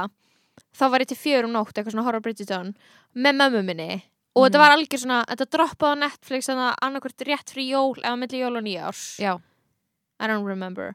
Og þannig að ég horfði á þetta bara svona þú veist, ég, ég sat í sófanum einhvern veginn frá nýju og bara næsti, næsti og ég svona horfði og ekki horfði, ég horfði og heklaði. Mm þannig þættir. Og þannig að þetta er brest vintage gossip girl. Mm Ok, býtu, og býtu, hvað, segð þú? Getum við á sama, tíma lýst þessu þáttum í einu orði Er tilbúin? á ég lýsi sér einu orði. Já, á samtími svo aðtöfum hvort segja það sama. Ok, einn, Tveir og og, cringe. horny. Ok, ok. Mm. og horny. Cringe sko, og horny. þannig að málið sko að ég horfði á þetta með mömmunni og ég held að þetta myndi vera svona crown vibes. Já. En þú veist, ég, ég sá strax á trailernum ok, þetta er svona crown but make it fun skilur uh, og eitthvað svona perioda og ég held að þetta væri svona colorblind casting perioda, skilur ég held að þetta væri bara eitthvað, ú, ok, þetta er skilur þetta er bara eitthvað í gamla dag eins og uh, var gert í The Favourite til dæm, ekki Favourite, heldur þarna The Great það sem þú bara Mm. skilur lætur eitthvað svona alls konar alls fólk vera bara svart og hvít skilur og það er bara svona ekki adressað Mhm. og ég mér það bara næs og því að Mhm. maður er eitthvað, já, cool, skilur skiptir engu máli Mhm. Uh, er, er eiginlega bara, þú veist, er bara jákvætt fyrir eitthvað heldur en eitthvað annað, skilur Mhm. er bara pepp og þannig að ég var bara eitthvað ánum með það og var eitthvað að horfa og ég var eitthvað svona mér fannst bara, þú veist, karakterinir í þessum þáttum þú veist, ég var ekki, ekki entertained, skilur Mhm. þetta er alveg mjög binge-worthy þáttur. Já. En karakterinir, þú veist, það er alltaf bara svona það er þarna vondi pappin sem skammar það er þarna mamman sem áfælta börnum en hún er ekja og það er þarna, þú veist, konan sem að er óslega ströng eða þú veist, það er þarna konan sem er desperate að reyna, að koma dæturum sínum út. Premissin er bara eitthvað aðalgjallan með hann á toppin á að finna sér mann, skilur Mhm. og hún er bara eitthvað, the diamond of the season bla bla bla. Og þarna, og ég er eitthvað svona na na na, og svo bara einhvern veginn fannst mér eins og einhvern veginn eitthvað sem að byrjaði ágætlega Mhm. fannst mér bara taka ógeðslega leðilega beigju Ah. og líka sko þetta byrjaði sem eitthvað svona hún veit ekki neitt um kynlíf, hún er alltaf bara eitthvað svona veist, hún veit ekki hún er með píku, skilur við hún er bland. Og þú veist uh, ok, það er ógeðslega funny að gera horn í þátt. Og aðal gælan í þáttunum sem fyrir að ríða ógeðslega mikið er fyrstu átján þættina bara eitthvað hvað er, hvað er kynlíf? Og maður er eitthvað, uh, þetta er svo perralegt Þessi svo perralegt að hún sé svo mikið svona hún er Oh, með svo infant en infantil inf, in, hún er með ógsta barnalegar hugmyndir um kynlíf skilur og svo er hann eitthvað svona algjör sex god. sex god skilur, alltaf Mhm. að ríða. Og svo vil ég ekki spoila of miklu en aðna basically á einhverjum tímapunkti fer eitthvað fólk í þáttunum allt í einu eftir ekkert það mikið af kynlífsinnum að bara ríða eins og þetta sé klámynd. Oh ég er ekki að tjóka Og og ég var að horfa með mömmunni og við vorum bara, við vorum bara að deyja. Guð. og þú veist, ok, fyrst var þetta vandrarlegt svo vorum við bara eitthvað, vá, þetta er bara gett. Mér, ég fór bara eitthvað að hugsa bara, mér finnst það bara gett slæm svona einhvern veginn hundreds pæling út af því að þú veist, þú veist með eitthvað svona storyline build up og svo bara hefur bara mörg bara í röð bara tíu minna lang, langa kynlífsinnur bara endalaust, Guð. bara svona non-stop bara eitthvað svona, þau ríða, þetta gerist þau ríða og sko bara svona kynlífsinnur eins og þetta sé bara bluest the warmest color kynlífsinnur bara allt sínt og ég var eitthvað svona um, ok, fine, skilur þetta er bara smá clown vibes en mér finnst bara svona ef þú ætlar að hafa kynlífsinnur, mér finnst það ekki alltaf passa inn í alla þætti. Nei, Þú veist, nei, og ég fattar það mig, mér finnst Já. bara svona eins og þegar ég horfa Hollywood mynd með Jennifer Aniston þá kemur kynlífsina það sem ekkert er sínt Mhm. og maður er bara svona, já, eitthvað svona. En í þessum þáttum var bara svona allt sínt, eða þú veist ekki píka og tippi skilur en bara svona eitthvað bara ríða þetta er skilurðu, bara horny ge- content bara, sko. Já, þetta var bara eins og klám. þetta var bara eins og klám. Sko, og, já, en ég, var- ég var líka að adressa þetta colorblind casting dæmi, Já. út af því að þú veist í miðum þáttum þá einhvern veginn kemur ljós að svarta fólkið í þáttunum er vist bara eitthvað nýbúið að vera þú veist, fá leifi til þess að vera eitthvað aðalsfólk. What? og þetta er sko þess- þess- þessi þættir eru byggðir á bókum skilur það sem að uh, allir eru bara hvítir skilur Mhm. en svo ætlaðu einhvern veginn að tvista því í sjómars þáttu útgáfinni en að dressa það bara með einu kommenti sem var eitthvað uh, eitthvað svona, já þú veist, uh, kongurinn varð ástfangin af konu sem var svört og þess vegna má svart fólk núna vera með ok, maður er eitthvað- eitthvað, eitthvað, þau er ah. algjört bara svona ok, við ætlum bara að finna innfalda leið til að uh, redda þessu. Adre, en í stæðan fyrir að adressa þetta ekki neitt sem hefði virkað. Já, það hefði bara verið fínt, skilur, en þannig er þetta einhvern veginn að dressa og maður er eitthvað svona, og það er aldrei neitt annað sem að gefur einhvern veginn þetta í skinn, eins og þessi, þú veist, það er einhvern veginn bara engin munur á, á svörtu og hvítu leikurunum, skilur, Mhm. eða karakterunum. já, það er aldrei svona munur í hvernig einhver kemur fram við þú veist, en hann, djúk maður hugsa Sem bara að. eitthvað svona, já, bara eitthvað, já, ok, þetta er svona heimur þar sem rasismi er ekki til. já, Og getur, það getur bara verið get wholesome og nice að bara fá eitthvað, eitthvað tíman representation og þú veist, það, það sé ekki alltaf að sína svart fólk sem deal fórnalömb, eitthvað svo ofbeldis, skilur eins og er búið að vera gett vinsalt stef í Mhm. mörgum bíómyndum Mhm. og svo bara eitthvað, já, við ætlum að adressa þetta með því að segja að, að þeir eru nýbúin að fá að vera með Vá, Út af því að- að hvíti kongurinn var svo ástfangin af svartri konu og þess vegna megi þið núna vera aðalsfólk. Og ég var eitthvað svona leim, Mér finnst þessi þætti vera bara svo mikið null Skilur hvað ég meina? Ég er bara svona að horfa á það svona- og það er bara svona ekkert fyrir mér. Hvorki góðin í slemir Já, ég er bara svona, já ok, ég get horta á þetta. Mér er eiginlega alveg saman allt. Mér finnst ekki nóg mikið að heitum gaurum í þáttum. Vá, nei, mér finnst engir heiti gaurið þáttunum, Nei. mér finnst þessu allir bræðin Engin og heitir.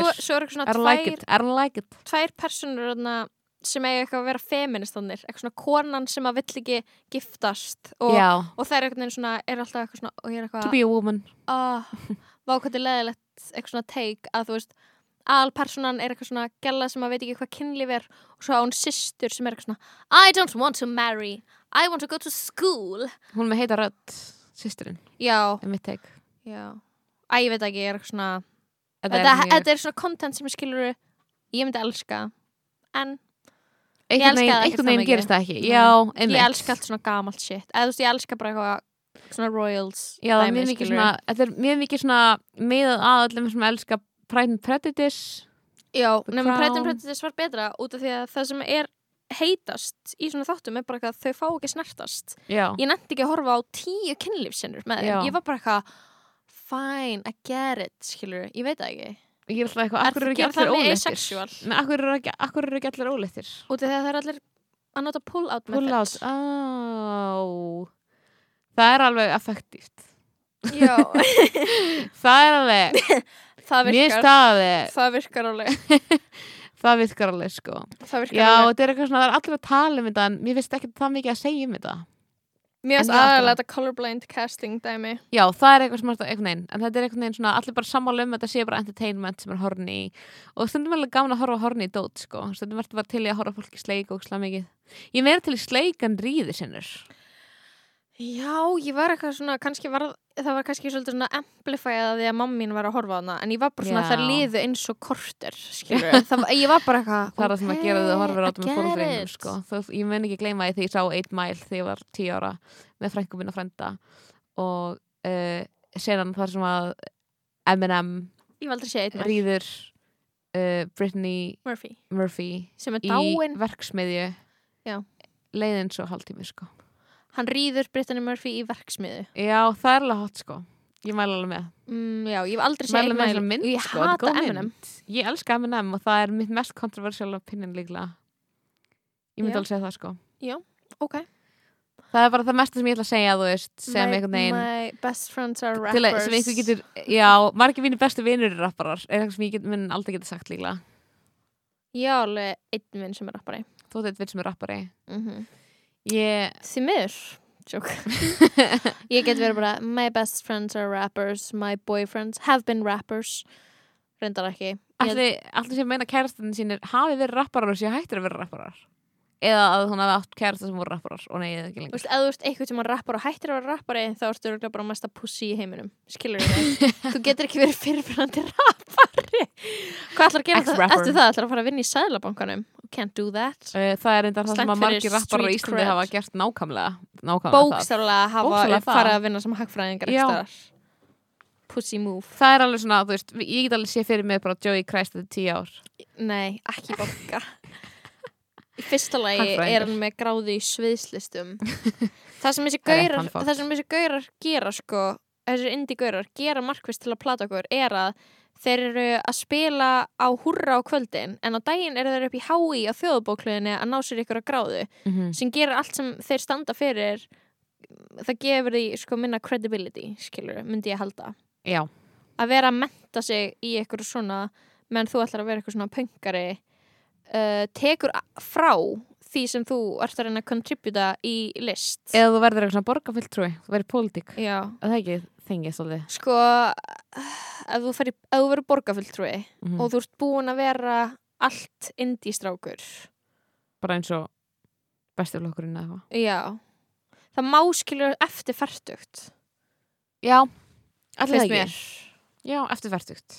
en þú veist en ekki gera það 25 ára skilur Nei, þá ertu svona líka og vera eitthvað svona fyrirvændi rappari fyrirvændi rappari, nú borgarfulltrúi. það er ógislega gott. Ég, draumaprinsi minn. Drauma prinsinn En annars sem að mér langaði að Sko, ég var að horfa þátt líka á Netflix sko, Málið er að þessi þáttur er Já, mér finnst samt að við hefum alveg náða að kofra alls konar kultúa sem er ekki ekki þættir, en það er bara kultúrin sem er mest í gangi, bara að maður er eitthvað heima að horfa á Netflix og Því voru miður, komið en þættir um. Fran Lebowitz Mhm, sem heita Pretend It's a City. Mhm. og það eru þættir eftir leikstætt af Martin Scorsese. Þetta er í rauninni bara svona einhver viðtalsþættir hans við Fran Lebowitz og svona um hana. Já. og hún er rithöfundur í New York og hún er bara svona essential New York icon myndi ég segja. Já, hún er svona New York icon og sko hef, er eiginlega bara svolítið mikill svona eitthvað álitsgjafi. Og hún var skilur fluttið til New York in the 70s hún er gay og Já. Og hún sko já, það sem er svona eitthvað áhugavert þess að þætti er að þú veist að það hefur greinilega verið eitthvað sjó. En hún er greinilega svona gæla sem uh, kona, manneskja, hún er greinilega ekki manneskja sem er eitthvað, hún er ekki fara að standa eina á sviðinu með mæk Já, það flæðir einhvern veginn svona náttúrulega og þú veist, hún, í, í svona spurningu og Spjalli. við, þú veist Áhörvendur við Martin Scorsese og áhörvendur að spyrja spurninga og það kemur upp eitthvað svona hún er ógæslega hnittin og svona fljóti tilsvörum. En Ég það, Já, ég hugsaði smá svona að þetta er drauma, drauma staðan mín. Skilur hvað ég menna? drauma Að einhvers er bara tilbúin til að borga mér fyrir að koma ykkur og spjalla. Mm og bara fólki finnist það bara geggjað. Sko, hún er þarna svona, ef maður ætti að lýsa kartanum hennar þá er hún svona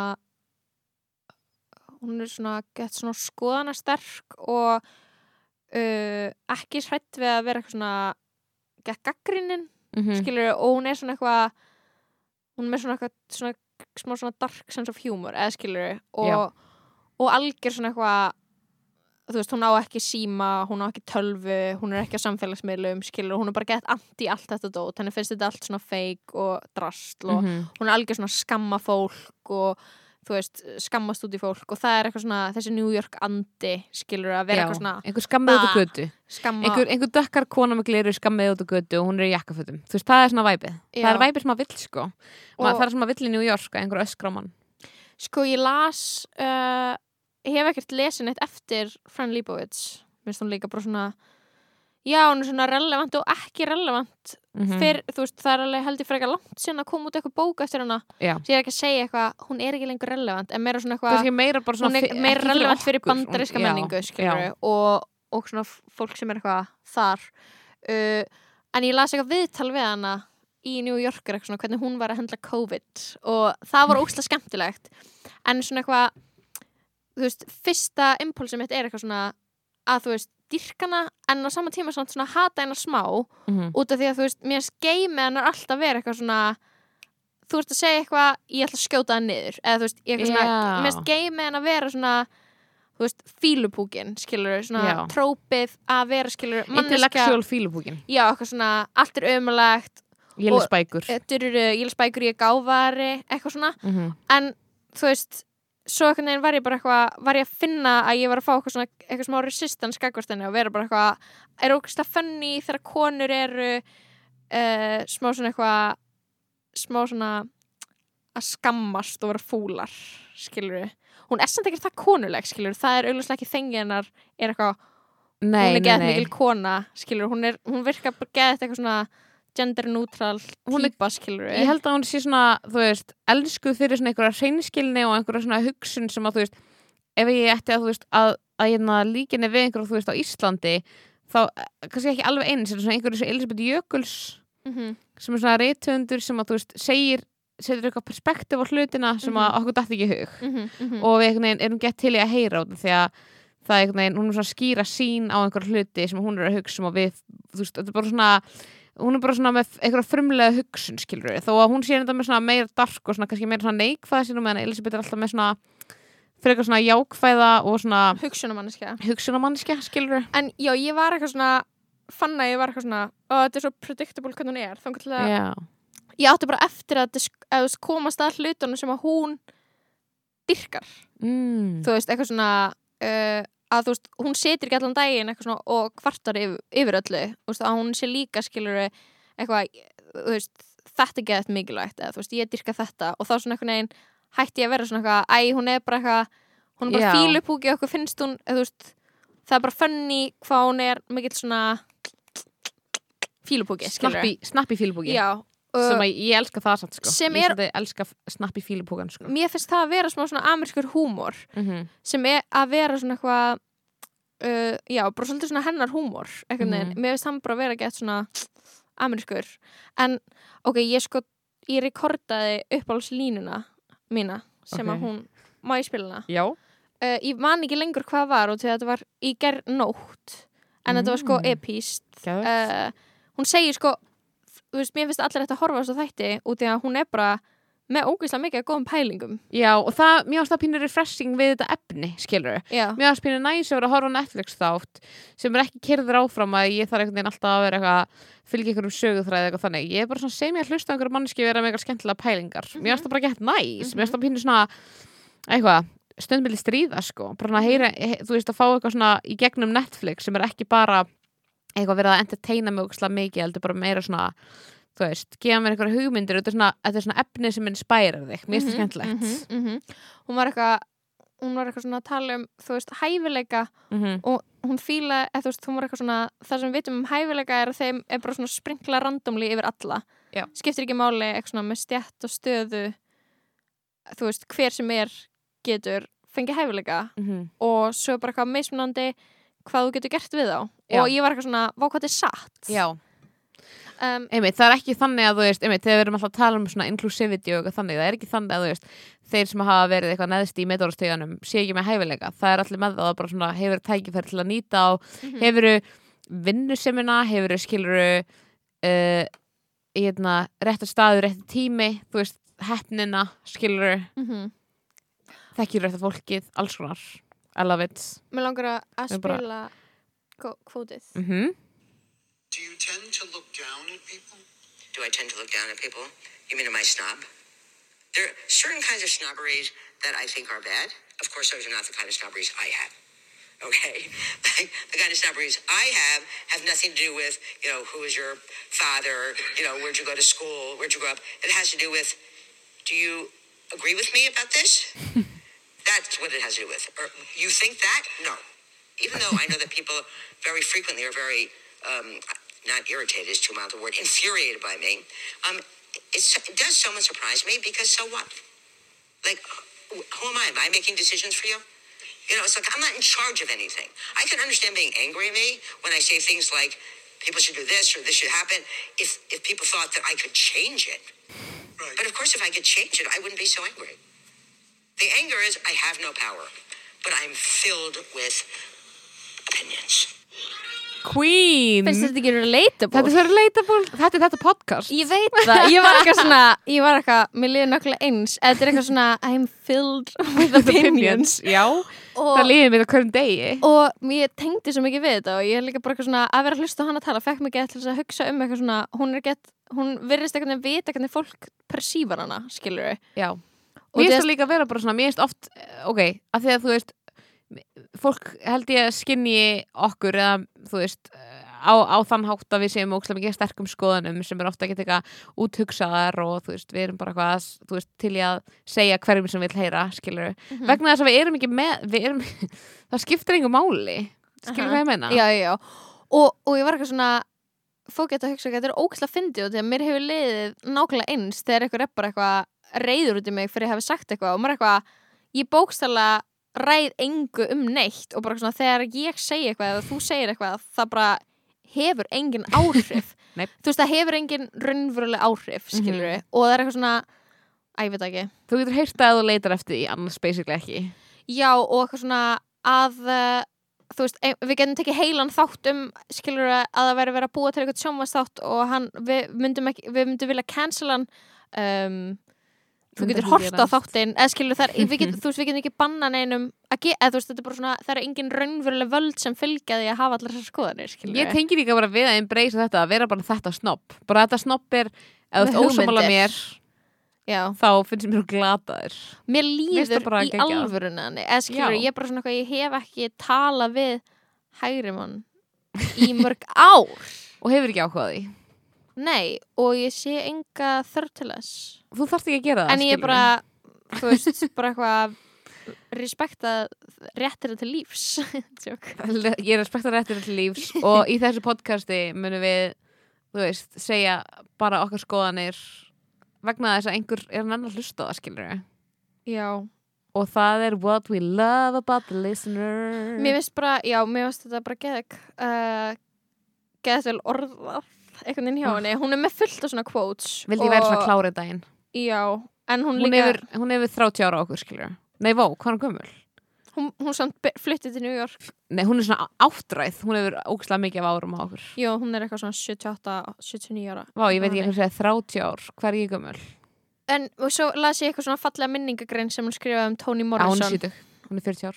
Já. Er hún bara 70? Er hún ekki, ok, já, ég las eitthvað fallega minningargrein sem hún skrifaði um Toni Morrison og ég er eitthvað, oh my god, skilur ég er bara eitthvað búin að vera heimsk að halda að hún sé bara, bara gett neikvæð það sé eina hún er bara með skoðanir. Já. og auðvitað þú veist eitthvað partur að vera með skoðanir og vera með þennan húmór er líka bara eitthvað stundum ertu bara eitthvað að dissa hluti, skilur og það sem erum, já, einmitt. Það sem er svona, the takeaway er bara að oft heldur fólk að þegar að maður er með skoðanir að maður sé að vera neikvæður.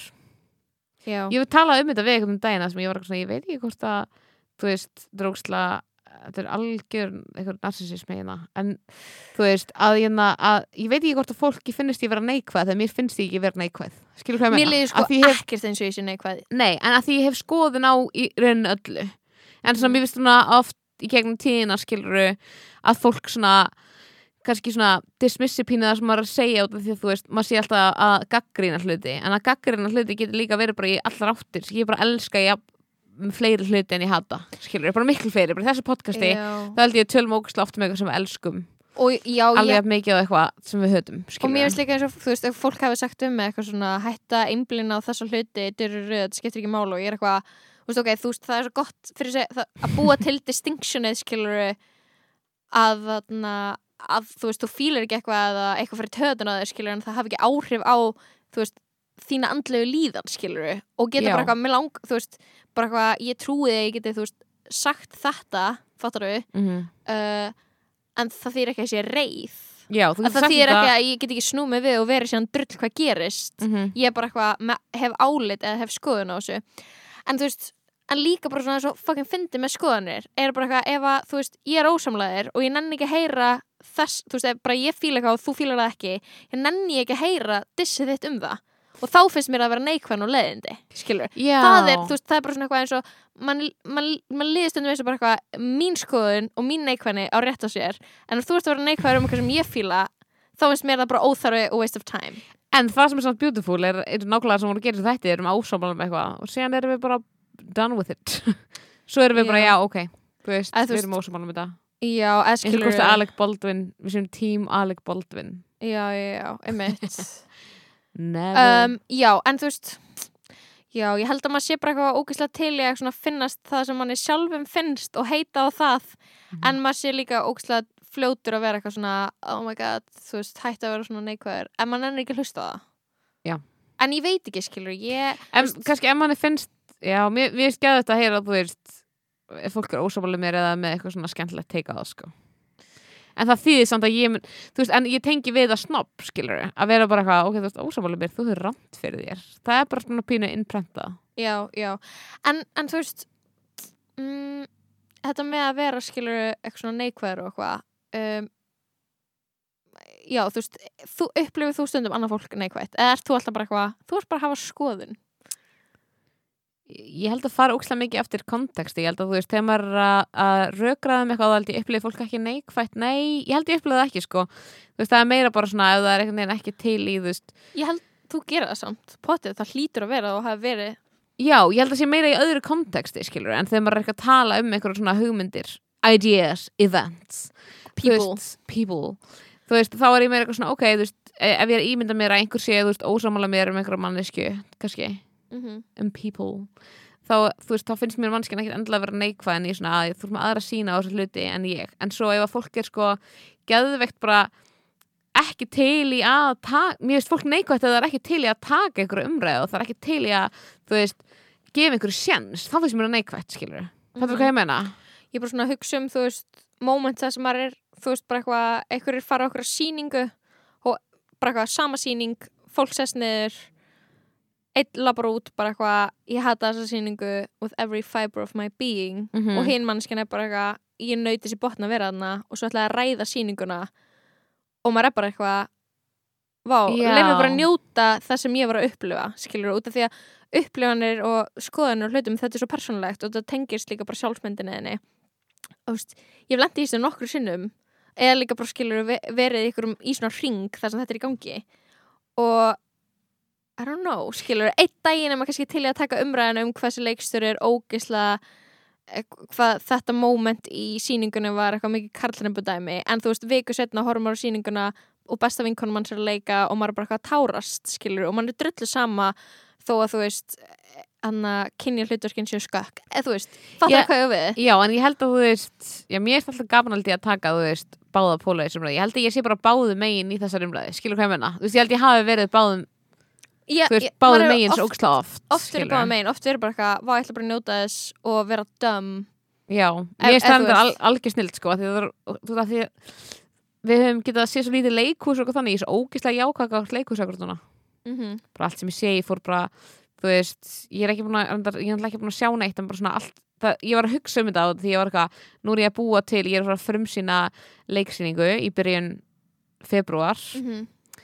uh, sem er búin að vera on hold út af COVID.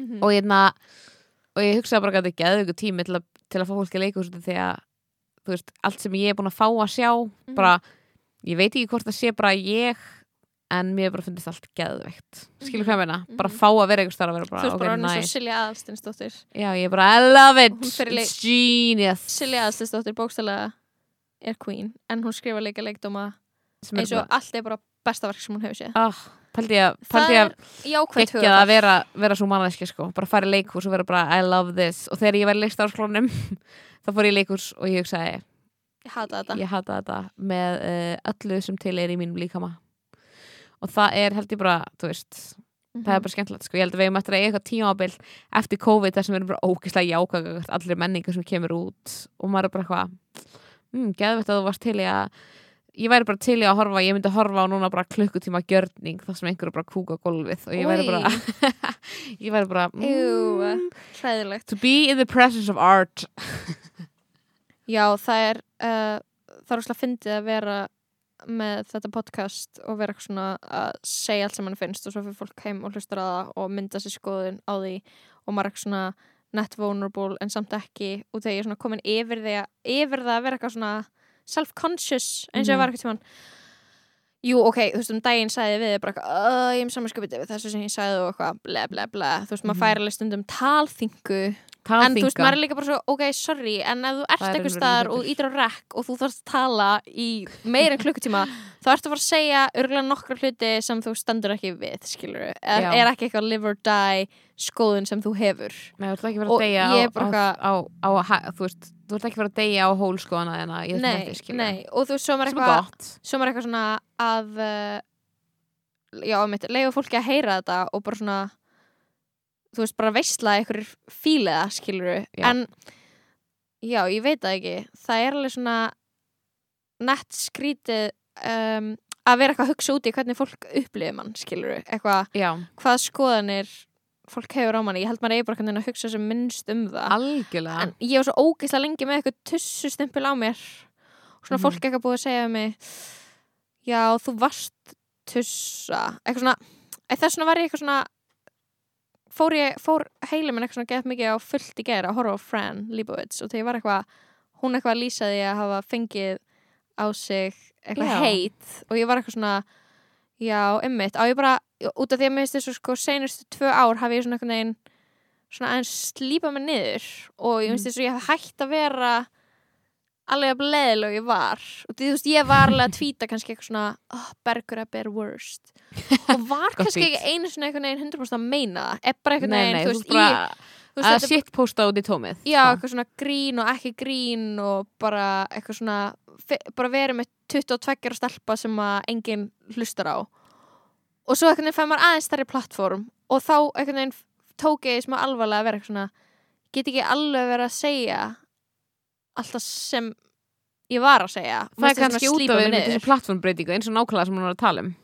Einmitt, þú veist, hún er að segja hún hefur líka örgulega endur skoða sig og þú veist, og síðan er hún bara núna eitthvað ok, ég er sjötug, mér er alveg sama eitthvað fólk að hata mig fyrir 20 árum, skilur Já, en mér líður eins og hún hafa alltaf verið sönn eitthvað svona sinni rödd eða skilur að vera með eitthvað sí, sína pælingar. Og ég var eitthvað og ég fór geta að hugsa hvort ég hefði gert mistök með því að eitthvað svona mm. fara og byrja að vera eitthvað svona meira eitthvað svona soft útgafa af mér. Og svo var ég eitthvað, en er kannski bara ógeðslega leiðilegt að hanga með mannesku sem er alltaf eitthvað þetta er ekki, þetta er ekki, skilur sko, ég elska þegar að það eru uh, gaurar út í bæ sem skjálfa beinanum yfir því hvað þið finnst um það ég dýrka það.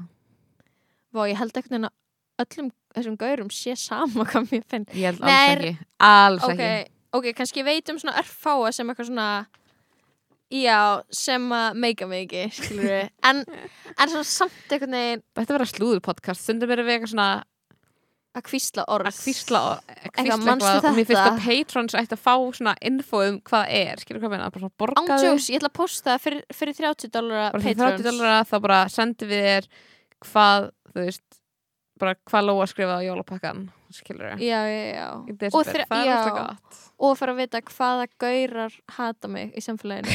Já, En ég myndi borga fyrir slúður. Vá hvað ég myndi borga fyrir það. Eins og í Bridgerton þá er svona Gossip Girl, algjör Gossip Girl koncept það er einhver með nafnlaust fréttabrefum slúður sem er að gerast í bænum. Mhm. og ég væri svo til í það, ég væri sjúk í það. Akkur Ég er ekki lengur bara ég að séð og heyrt bara, þú veist, hvað hva er svona? Veist, Ég væri svo elska geðveikt til í það. slúður. Slúður Oh er God. best sko, og slúður er svo fucking mannlegt. Bróður minn, hann var á sjó Og hann kom heim í bæinn af sjó og Hann bara, er eitthvað búið að gerast? Getur þú satt mér eitthvað slúður? Og þú veist, hann vildi bara vita slúður. Og hann kipti Ah. sér stundu séð að heyrt Til þess að uppfylla þessa þörf. Og ég var eitthvað, vá Það sýnir bara hvað þetta mikið ein af grunn þörfu mannsins Og þetta er bara þarfa pyramida Maslow Er bara slúður, slúður er þar sko, ég skil ekki Nánd. slúður er ekki sett þangað inn bara petition fyrir að slúður sér sett inn í þann, þann þarfa píramíta sko. En ok, þú veist, á uh, nótum þess að vera með skoðanir Skoðanabræður. Skoðanabræðir eru með podcast. Sem við mælum með. Um, Já, anna Já, ég mæl ekki með því af það er óvinna podcastu okkar. Já, true um, Þannig að, já, ætlum við að fara að tala um ætlum við að fara að gera rámt vikunar já, ég, ég var bara með svona annan loka punkt við hitt sem var bara svona þú veist, ég held að sem kona þá sem maður alltaf að, að horfa sjálfan sig út frá okkar male gaze pælingum og ég held að það sé geðveikt erfitt að alast upp og reyna að sleppa fullkomlega við það að uh, spá í hvað gaurum finnst um hann. Og ég held að það skipti ekki, eða ég veit ekki eins og hvort að kynneið skiptir málið hana, skilur Mhm. bara svona að það er ekki svona spurning um svona, uh, hvort þú viljir eitthvað heldur er það bara svona vilja gaurar mig?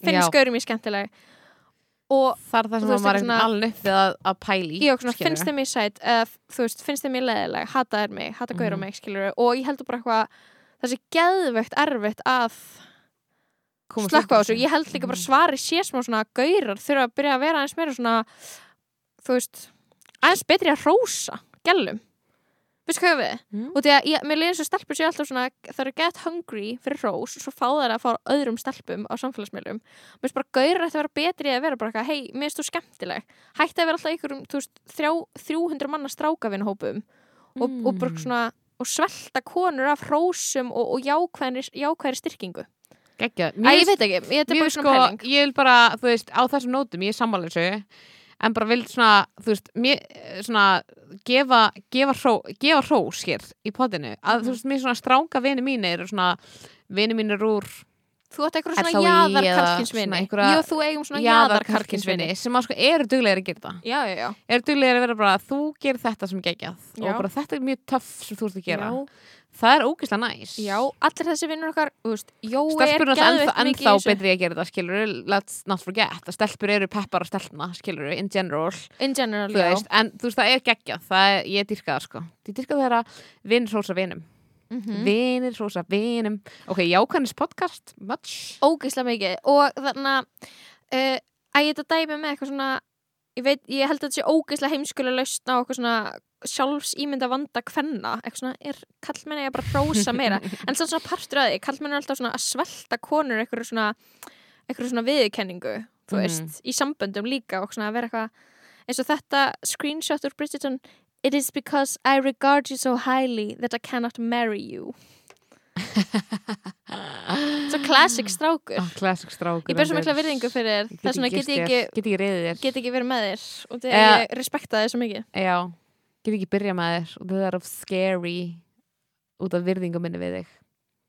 Vá, já, kallmenn maður. I love them. Kallmann I love all of them. Eins og hefur heyrst í þessu podcasti það er það sem fólk hefur heyrt Erst þú með randvíkunar? Já, ég er með randvikunar, það verður mér svolítið öðru sniði okay. í þessum þrítasta þætti það verður svona í þessum þrítasta þætti af aðeinspresta lokastíði verður uh, Býtu á ég að byrja, ég held að við ætlum að enda á þínu ó, ok, vilt þú byrja? Það ekki? Ok, og því að mitt er Ó, ég with veit. twist Ó, ég veit. um, Já, þannig að hvað ætlum við að hafa það? átta mínútur út í þetta 30. Já, það verður átta mínara Æ, og ég ætla að púla loka. Baldwin og ég ætla bara svona að stara ég ætla að stara í augun á þeirra meðan ég segi sama hlutin fyrir þá Heldur hvað leikar eru góður með þagnir? Mhm. og hann Þeir- sérkla Pældi þögn í podcastu bara og þetta er svo stert þögnin er Þögnin hæst er hávarasta Ah, hljóðið. Vá, ég elska þegar það kemur uh, svona skýrt fram í podcastinu að við erum leikúsmetaðar ándjóks, ég ætla bara heim og ég ætla að skrifa byrjun byrjun af leik, leikriti ég ætla Sem bara að bara skrifa bara sem eins og John Cage skrifaði þú veist, tónverk sem er bara þögn þá ætlum þú ekki að leika sem er bara Þögn. meaningful, bara svona, me, veist merkingar þrungnar þagnir. Mér líður eins og, þú veist ógeðslega mikið af leikursfólki hafi gert það mm, mér. Eins og ég hafi verið látin horfa á í ykkur svona og mörgum áfengum í listafaskólanum þögn, bara hann að gælana með leik tjaldið út í New York hana, þú veist, bara gerist ekki neitt og bara Mhm. hreyfa svo svolítið hægt. Það verk. Elska þannig verk. Uh, það sem að gerist ekki neitt. Eða það sem gerist ekki neitt. Uh, ég lifi fyrir það, erstu ready? mm -hmm. fyrir er í bóði Salvarar Gullbrá. Hvernig beigir maður Já, nafnið? Salvara Gullbrár Þóraðinsdóttir Let's go. Einn, tveir og byrja Oh my god, fólk sem að spyr mig hvað ég sé að gera hérna þegar ég er fyrir utan 104 Reykjavík. Já, ég flutti í lögadalinn Vesturbænum. Því það ég get ekki farið í Vesturbælegin á þess að þið finnst það eitthvað þurðulegt og það fyrir að vera eitthvað svona. Ok, við búum í Reykjavík, get this. Þetta er ógeðslega lítil borg. Það tekur mig tímíndur að keira basically allt í þessar borg. Ég veit að okkur finnst allt eitthvað geðt langt af því að þú veist, ég veit ekki hvort að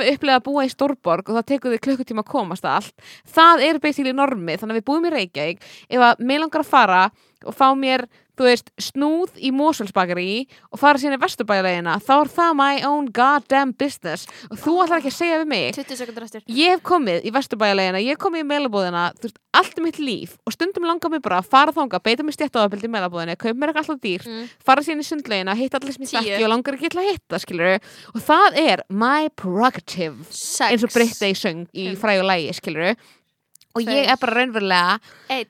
Raunverulega Búið. stop with it Af, Sorry, hver er að spurja þig? fólk elskar bara að segja, málega er að fólk er ekki að meina með þessu en það elskar að segja, hvað er þú að gera hérna? Og, Og ég er bara, heyrðu, ég býr raunverulega í vóðunum það er ekki langt í burtu. Og, sorry, en okkur er það er eitthvað búið að fréttast að þú búir í vóðunum Okkur er búið að fréttast að þú búið Vá, það? Ég Getur ekki. bara verið of því ég Ég er ekki í býrð. lögðarsleginni út af því að sjópotturinn er lokaður þannig það er ekki næs. Og ég fer í vesturbælegina sem uh, Laugardagslegin er uh, musteri Vassavelliðinar Reykjavíkur Já, en as opposed to musteri Vassavelliðnar svona- Bólingavík Já, en ég skil ekki, þú veist, af hverju fólk spyr yfir höfuð að neinu Skilur við Vá, satt, satt, satt, so true. Bara eitthvað, hvað ertu að gera hérna? Bara, bitch, hvað ert þú að gera hérna? Skilur við, hver hleyfti þér út úr Máli er, húsi? þetta er eitthvað svona, þetta er eitthvað svona talk sem er úrslega fyndið, skilur Ert Þetta er bara hérna? fyndið, þetta er bara fyndið small talk sem fólk gerir sem er að segja Eh, Hvað þú að gera hérna? Hvað heldur þessi að gera hérna? Ég er í sundfötum Nefndu manneskjuna sem spurði að þessu. Nei. Please segðu mig hver spurði að þessu. Fyrir, Er það það er 30 dollar el, er það eldri eða yngri en við? Auðvitað eldri, auðvitað En þú veist, það er yngri en 50 Ég er bara oft, sko, oft, oft Þetta er bara oft. Þetta er, Það þetta er bara, en, en ég, er sorry ekki, Ég er ekki með reyði yfir, En þú ólst upp í. Vesturbænum. Hvað það. býr í Vesturbænum Þannig ég skil ekki af hverju fólk er eitthvað Hvert þú að gera hér?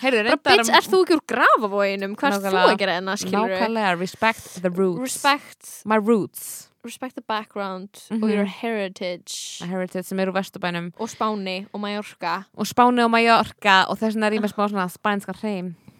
Þú heitir ekki Salka, þú heitir Rosalía. Sal Rosalía. Salvadora.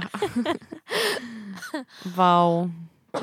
Salvadora Aurora Vá kom ég heiti Vá, veistla. Vá kom ég veist Anna Óksla pyrrandi til svona fólk spyrði þig Hvað þú ert að gera í Vesturbæðileg Ég veit ekki okkur Vá, ég Ég finnst það meira pyrrandi en mér. Já, 100% sko. Ég skil ekki að þú ert úr gráðinu en býðir vesturbænum. Já, People would vissulega. never ask you. Um, Já, óksla fyndi þegar fólk er eitthvað svona Fólk sem þekki mig er eitthvað svona þú úr Vesturbænum? Nei, ég er úr grafin Á, Ég veit Þú að, veist þetta svona veistu hvað er típa?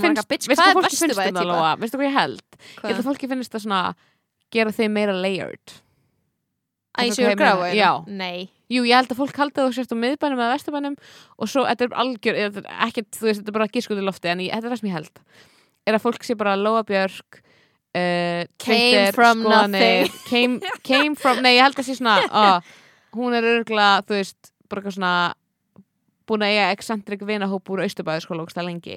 Já, bara en svo kemur ljós að þú ert úr gráfóginum þú ert Já. æsku vinkonur úr fótbolta Þú hefði fótbolta með fjölni. Þú var veist, gráfaskirkjukór gráfaskirkjukór þú veist, það er, það fólki finnst það interesting. Ég, Þú veist, Salka, ég hef fengið sko minimal áhuga á þessum hluta sko lífsmins Það hefur einhvern veginn öllum verið drullum að ég sé gráfi En ég veist, ég ekkert fíla- Sarik. ég fíla að romantisera líka út af því að þú veist Mér- það er enginn eitthvað aðeins meira nettur bara því að hann eru við Nei, það hefur nei, enginn það hefur enginn orðið eitthvað svona cool by proximity við annað vesturbæðafólk þú ert eiginlega bara astnalegur ef þú ert eitthvað svona sorry sko, ég er eiginlega, þú veist ég er hérna, mér finnst Arsenal alltaf að vera á Vesturbænum.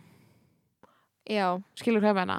Veist, það er líka astnalegt að vera á miðbænum. Það er sko líka út af því að það, þú veist, gefur einhvern veginn í skinn að ég, þú veist hvað hva finnst þér að gefa í skinn um, um minn bakgrunn, skilur Sko, ég held ég bara svona viti of mikið um bakgrunnin til þess að ég get eitthvað svona uh, fattað En þú veist, jú, einhvern veginn, sko, það er kannski ekki þá sért bara á Vesturbænum. Það líka út í að þú ert á Vesturbænum og svo MH og svo þessi vinahópur sem var, þú veist, uh, þessi gaura sem ég þekki ekki, þekkti ekki en ég átti eitt sameiginlega vinn með sem var Lord Pusswhip sem fór í MR og ég, ég var alltaf bara svona they are crazy.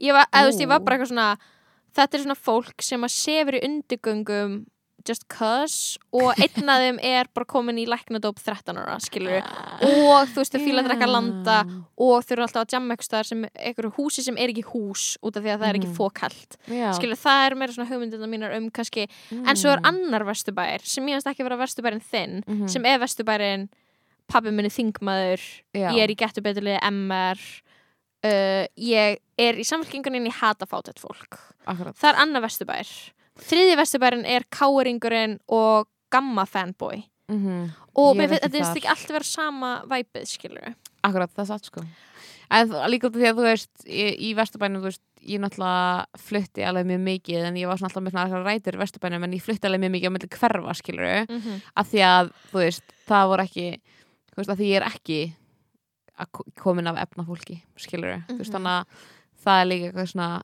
pínu áhugavert identity, skilur, sem að fólk er með þetta því að það er, þú veist, svo mikið blönd, þú veist, við erum alltaf að tala um að þetta er eitthvað svo stjættlust land sem það er ekki, skilur Mhm. en á sama tíma, þú veist, þá blandast alltaf stjættir úrslega mikið saman í skólanum af því Mhm. það alltaf fara bara í hverfurskóla og þú veist, um, allavega að fanga til núna, þú veist, á gas, þú veist, þá var bara fólk sem bjóði vesturbænum, skilur, sem að bara átti ekki peninga en þú veist, það bara bjóða samt og þá blandaðist það við, þú veist, ég mannilega eftir að vera í vesturbæðskóla og vilja að fara heim til vina minna sem áttu, þú veist, einbýlishús og það var alltaf til, þú veist, samlungubrauð og rifs, eitthvað rifsbyrðsölda og neskvik heima á þeim, skilur af því að þá, þú veist, átti ríka fóreldra, skilur, sem er bara ekkert að því, skilur en ég vildi fara þangað, ég vildi ekki fara heim til mín. Skilur hvað ég meina, Mhm. það er svona pínu svona veruleikin, þú veist að vera, veist að búa í þessu samfélagi sem er svona allt blanda svona saman, veist, það svona, þetta er líka leika sem sanna mætalega tala ekki mikið um Mhm. sem er svona, það blandast en veist, það er alltaf eitthvað tilstaðar, einhver svona skömm um að þú veist, þú er ekki jafn mikið því þú ert kannski í skóla með fólki sem að brá ógislega mikið af peningum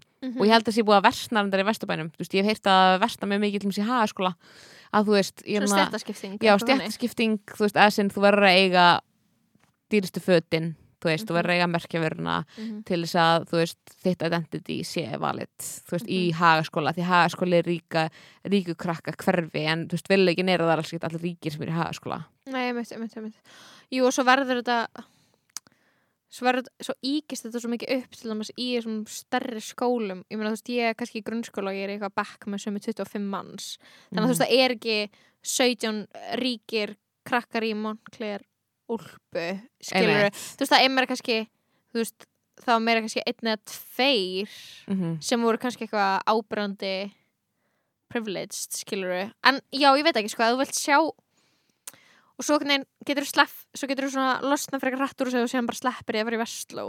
Bara ferði einhvern annan skóla þá veginn einmitt. smá frelsaði frá sig fyrir MH og það var svona cool Kúlar að fá það var líka úrslega mikið breyting fyrir mig sko að fara á hagaskóla yfir MH eða þú ert að tala um vinna vinnur MH sem var crazy en þú veist að fara úr hagaskóla yfir MH þú veist þá var svona fekk ég pínu svona clean slate því að þegar ég var í hagaskóla þá var ég ekki nett skilur mm -hmm. ekki nett um vinnahópi og að því það var líka það var nettast að vera sko pínu ríkur eiga flottustu dísil gallaböksunar Mhm. og þú veist og vera með þú veist sléttað hár Mhm. og strípur og svona, þú veist, Mhm. sem er eitthvað sem að ég bara, þú veist, það bara var bæði ekki bóði, það var bæði ekki bóði og bara, þú veist, og ég svona sem, og ekki fagafræði mín, skilur, þú veist, sem að var bara gott fyrir mig. Og svo fyrir MH og það var allt í henni cool að eiga fötur rauðkrossbúðinni, skilur, þannig að það er, það er algjört frelsi, sko, Mhm. þú veist, við að vera í MH og eitthvað, það er og alveg stónar, stónar að vinni sem lítið út fyrir að sofi undugöngum sem er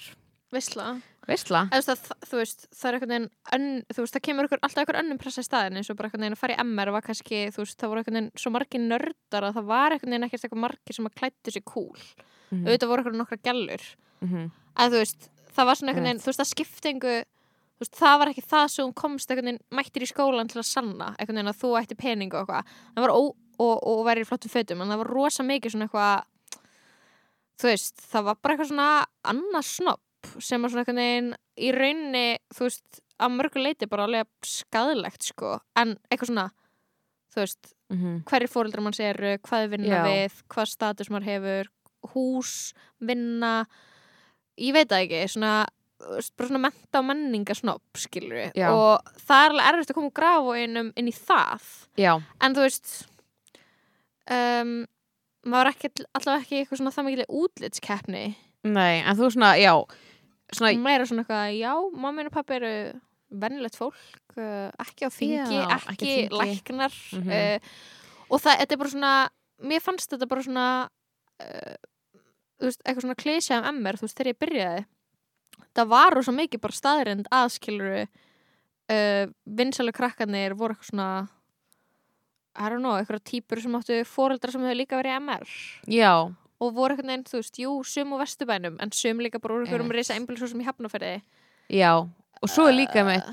já, en svo er líka mitt, þú veist ákveðin svona forréttindi sem að ég hafði skilur í vesturbænum að það er svona einhverna menningar.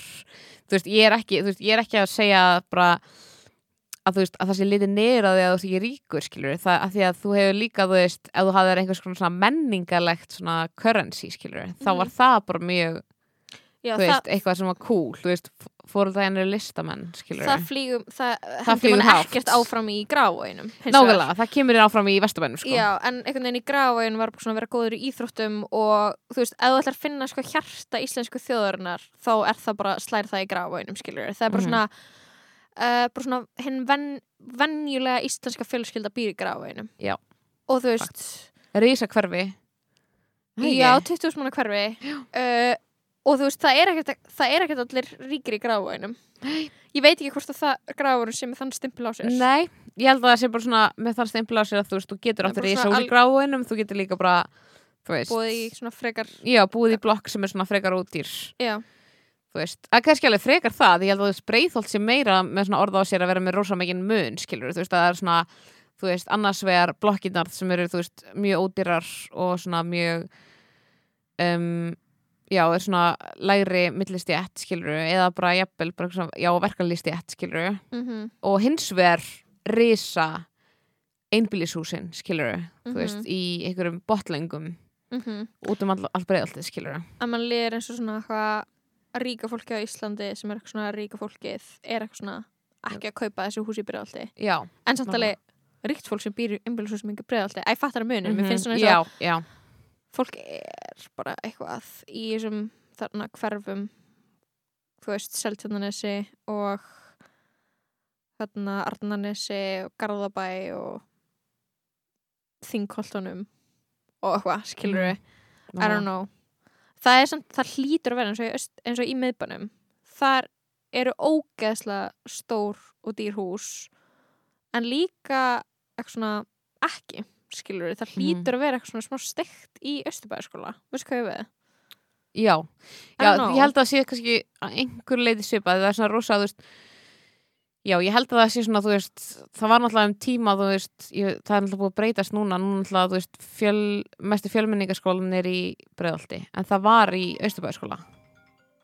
Ok, ég elska að, að síminn hafi tæmað okkur og vera bara Nei, þetta var sýsti mín að FaceTime mig. Ég var alltaf með á silent, ég veit ekki okkur ég tók hann af. Uh, Sorry með þetta. Já, mesti fjölmenningaskólin Já, var þannig, en þú veist, það er ekki Það náttúrulega ekki núna, sko. Þú veist, það er alveg, já, það er náttúrulega, þú veist, dýrt að búa í miðbænum, en samt á sama tíma, þú veist, líka alveg hverfi sem að, þú veist, Samt eru alls konar íbúður hérna sem Já. alls konar fólk býr í Þannig að Mhm. þú veist, það er down, eins og við vorum ekki að tala um eitthvað gentrification í miðbænum hún, Mhm. hún er bara veginn svona hálf komin í gegn Já, nákvæmlega, það Það er- getur geti breyst sko með tíman, þetta er er svo gamall skóli mm -hmm. Vá, við erum búin að taka, við erum taka hverfin fyrir, við erum búin að taka skólamenningar fyrir ég er svo tilbúin í randi þitt Mhm. Vá sem er, Sko, mun brjóta blað í sögunni Já. það er einhvern veginn hægt að reminissa um uh, um úlingsárin svo lengi og skóla. Mm uh, litlu frængu mínar fara geðt oft í viku nýr á hlem til að fá sér bópa te það er ekki steikt? Úr hafnafyrinum, taka Wow. strætó og hlem til að chilla þar. Love, pældi ég árið 2021, it's still happening. Ótrúlegt. Ok. já, ég veit það. Uh, rand vikunar er uh, ekki eftir mig að þessu sinni heldur er Ekki segja eftir hvað það er fyrir náttúrulega ok, þetta er rand vikunar þetta er bara eitt besti Facebook status sem ég hef lesið. Ok, ég er Tilbúin. Eitt, tveir og byrja. Matagagrinni þessi suppu kalla sjoppa í mjót lætur ekki mikið yfir sér en þarna eru seldar bestu falafel samlokur sem ég hef smakkað á æfinni ég er ekkert að grínast. Ég hef borðað falafel víða Evrópu en alla minn góður. Vá klassískur falafel með hummus í kebab Sara er í algjörum sérflokki. 30 sekundur Það ætti að banna þetta, held að sé arabísk fjölskylda sem rekur staðinn sínist shawarma verður vinsæltöðum verðið spillir auðvitað ekki fyrir um 1290 krónur fyrir frekar feita falafelvefi Elska auðvitað mandi í skeifunni áfram enda indislega þjónust 15 á þeim stað en maður lifandi. Sara, þvílik bomba. Uh. banna þetta. Óf, gott. Vá. Og það er ein mínúta. My god. Ah, Þetta var svona jákvætt rand um kebab Sara í mjótinni Vá, ótrúlegt. Og viltu segja okkur Viltu segja okkur meira? Þetta var auðvitað fadir þinn sem skrifaði þennan Það var Facebook sannlega faðir minn sem skrifaði hann. Og ég vil taka fram að það er ekki mín hugmynd Ekki mín hugmynd að neinu leiti að Lóa myndi lesa Facebook státtættu fyrir minn í þættinum. Anna En Salka, hann hlustar á potið Salka Þú veist að hlusta. Hefur ykkur líst kebabi á svona horni hátt fyrr? Allah, minn góður. Ég tengi mikið við það. Ég, Þvílík ég, ég tengi líka meira við neitt en að, en að lýsa kebabstaða og horni hátt. Sorry, var þetta leðilegt Er ég Nei. alveg bulli eða? Já, Kannski. þessu Þóran Leifsson eða að hlusta svaraði þess endilega og ekki svara mér, Bíddu, svaraði Sven, sendir Tóti þér eitthvað tíman skoðanur á potinu? Já. Og hvað hefur hann sagt? um, bara eitthvað alls konar sko síðast var hann að segja uh, sem var mjög hann að að var að Leifur var að hlusta á það og ég Nei, sagði sagði bannaðan og ég sagði slöktu Leifur má ekki hlusta? Nei, ég var að Ah, segja við hann Okkur er fóreldrar svona grillaðir Ég veit það, þetta er ekki fólkastur börn. Ég er bara enga veginn Þetta podcast er ekki fyrir börn. Enga veginn, enga veginn, enga veginn. Nei. En það sagði ég hann um slöktu strax Ég á líka vinkonu sem er að hlusta á þetta með barni sem að þekkir okkur. Og ég bara eitthvað Þegar ég, get, ég hugsa ekki ah, Nú er ykkur nýjar að hlusta. Ég hugsa ekki þannig. Nei, og, og líka sömur hlutar persónleika manns er betur haldið fyrir mann og það þurfi ekki allir í fjölskylduðin að vita allt það þú ert að hugsa sérstaklega ekki þeir nýjar það er confusing, það er mjög confusing. Já, ég er vil, ég vil alveg með tvo persónuleika Eitt fyrir fullorðin og eitt fyrir börn. Nákvæmlega, það er a-ok og líka bara ég meira bara svona eitt fyrir fjölskylduna mína eitt fyrir börn, skilur, eitt fyrir vini, eitt fyrir, mér það bara í góð lagi sko. Já. Fattar hvað ég menna? Ég er að reyna að vera sko my true self fyrir fjölskylduna mína. Já, And they hate it! Þeir en sko sannarlega, já, Facebook átursföðu mín sem hefur tekið sér hlutverk matagagrinis Sara. þessu, ég er sko mjög peppi fyrir að fara að kepa Sara eftir að heyra ég, þetta. Ég las þetta og ég ákvað að fara aldrei að kepa Sara. Í alveg, ég held að sé geð sko, ef eitthvað Ég sem að fæði ég minn veit, veit um þá Hann er að- matur. hann hefur smakkað he loves to falafel um, all- út um allan heim hann hefur gert sko. hefur gert það. Þannig að ég er bara raunverulega þú veist, spennt að fara ég er bara vona að í kjölfara þessa podcast með umferð á Kebab Sara aukast. bara til muna sko. Þetta er í mjóttinni og ég meina eins og sagði, Reykjavík er lítil borg þannig að fóðu snúð í Mósusbakari kebab í mjóttinni nákvæmlega, fyrir vesturbæleina Fara í Vesturbæleiðina. og líka auðvitað auðvitað við að fara allar, allar ferða okkar á strætó já, við tökum stræt allar þessu staði veistla vá. Við, lengsta pott sögunar ég veit ekki eins og veit ekki hvað klukkan er, ég veit ekki hvað við erum lengi við erum búin að vera Vá, við erum eftir að vera talþunnar til þetta. Oh my god. Ég, ég sko bara með byrjun þáttanins og þegar við tölum aðeins um lengi um Alec Baldwin og svo þurfti ég að skauta mig gegnum til dæmis matagagrin Total Lives. Og þetta er tíminn. Svo léle tímastjórnun fyrst og fremst. Ok, eitt sko, við erum að fara út af eftir og þú ert eða, síminn er alveg batterislaus ert eða að fylgja mér í bíli minn þegar ég er smá hrætt að labba svona kvö- um kvöld. Ok. og þegar ég er stór, sterk og mössu kona. Já. Ég er náttúrulega með ert í töskunni.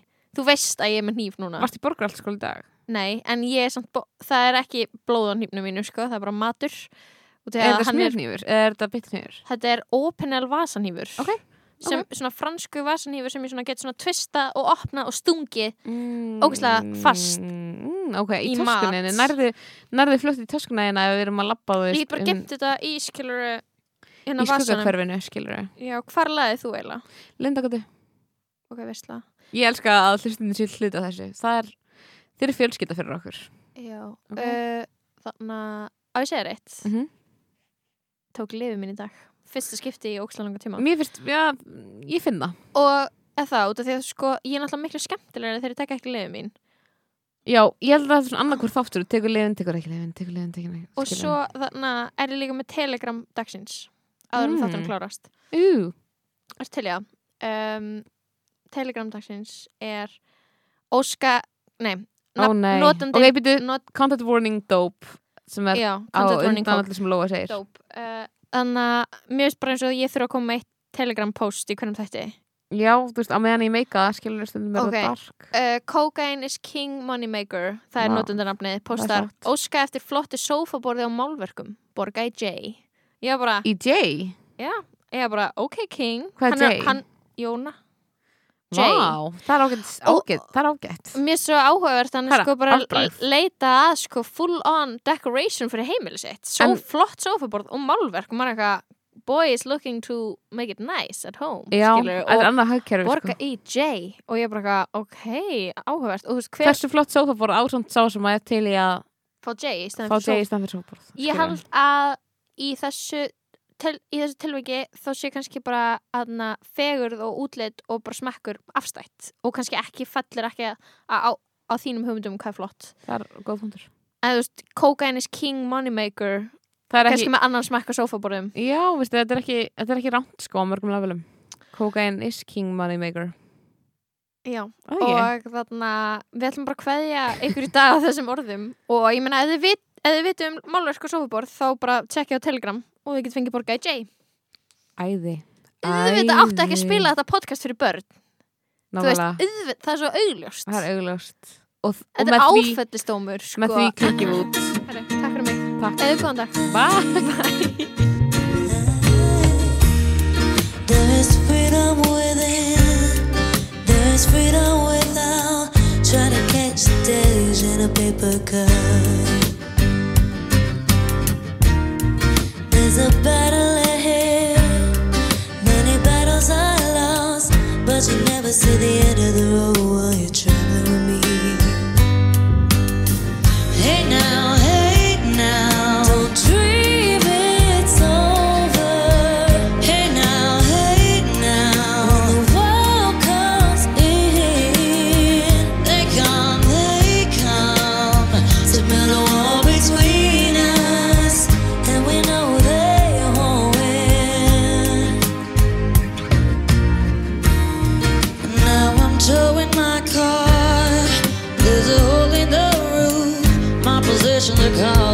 suspicion, but there's no proof.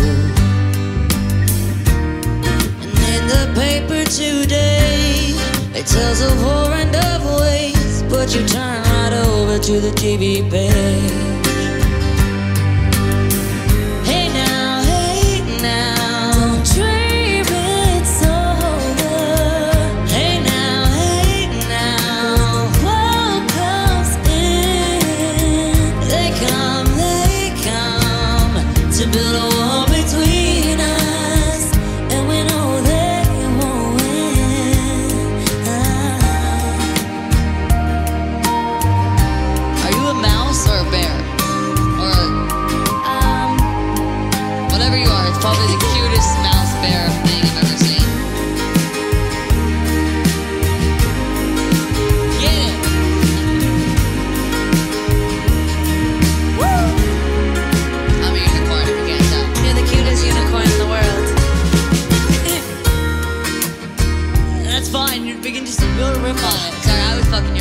Fucking you up. I was riffing. Sorry. I was flirting. Sorry. Sorry, I was flirting. Sorry. Sorry. Alright, anyway. Only I'm walking again. No, sorry. I'll, I'll, I'll fuck off. Sorry, here we go. I'll start it. Here. Alright, here we go. Now I'm walking ahead to the beat of a drum, and I'm counting the steps to the door of your shadows ahead, barely clearing the roof. Get to know the feeling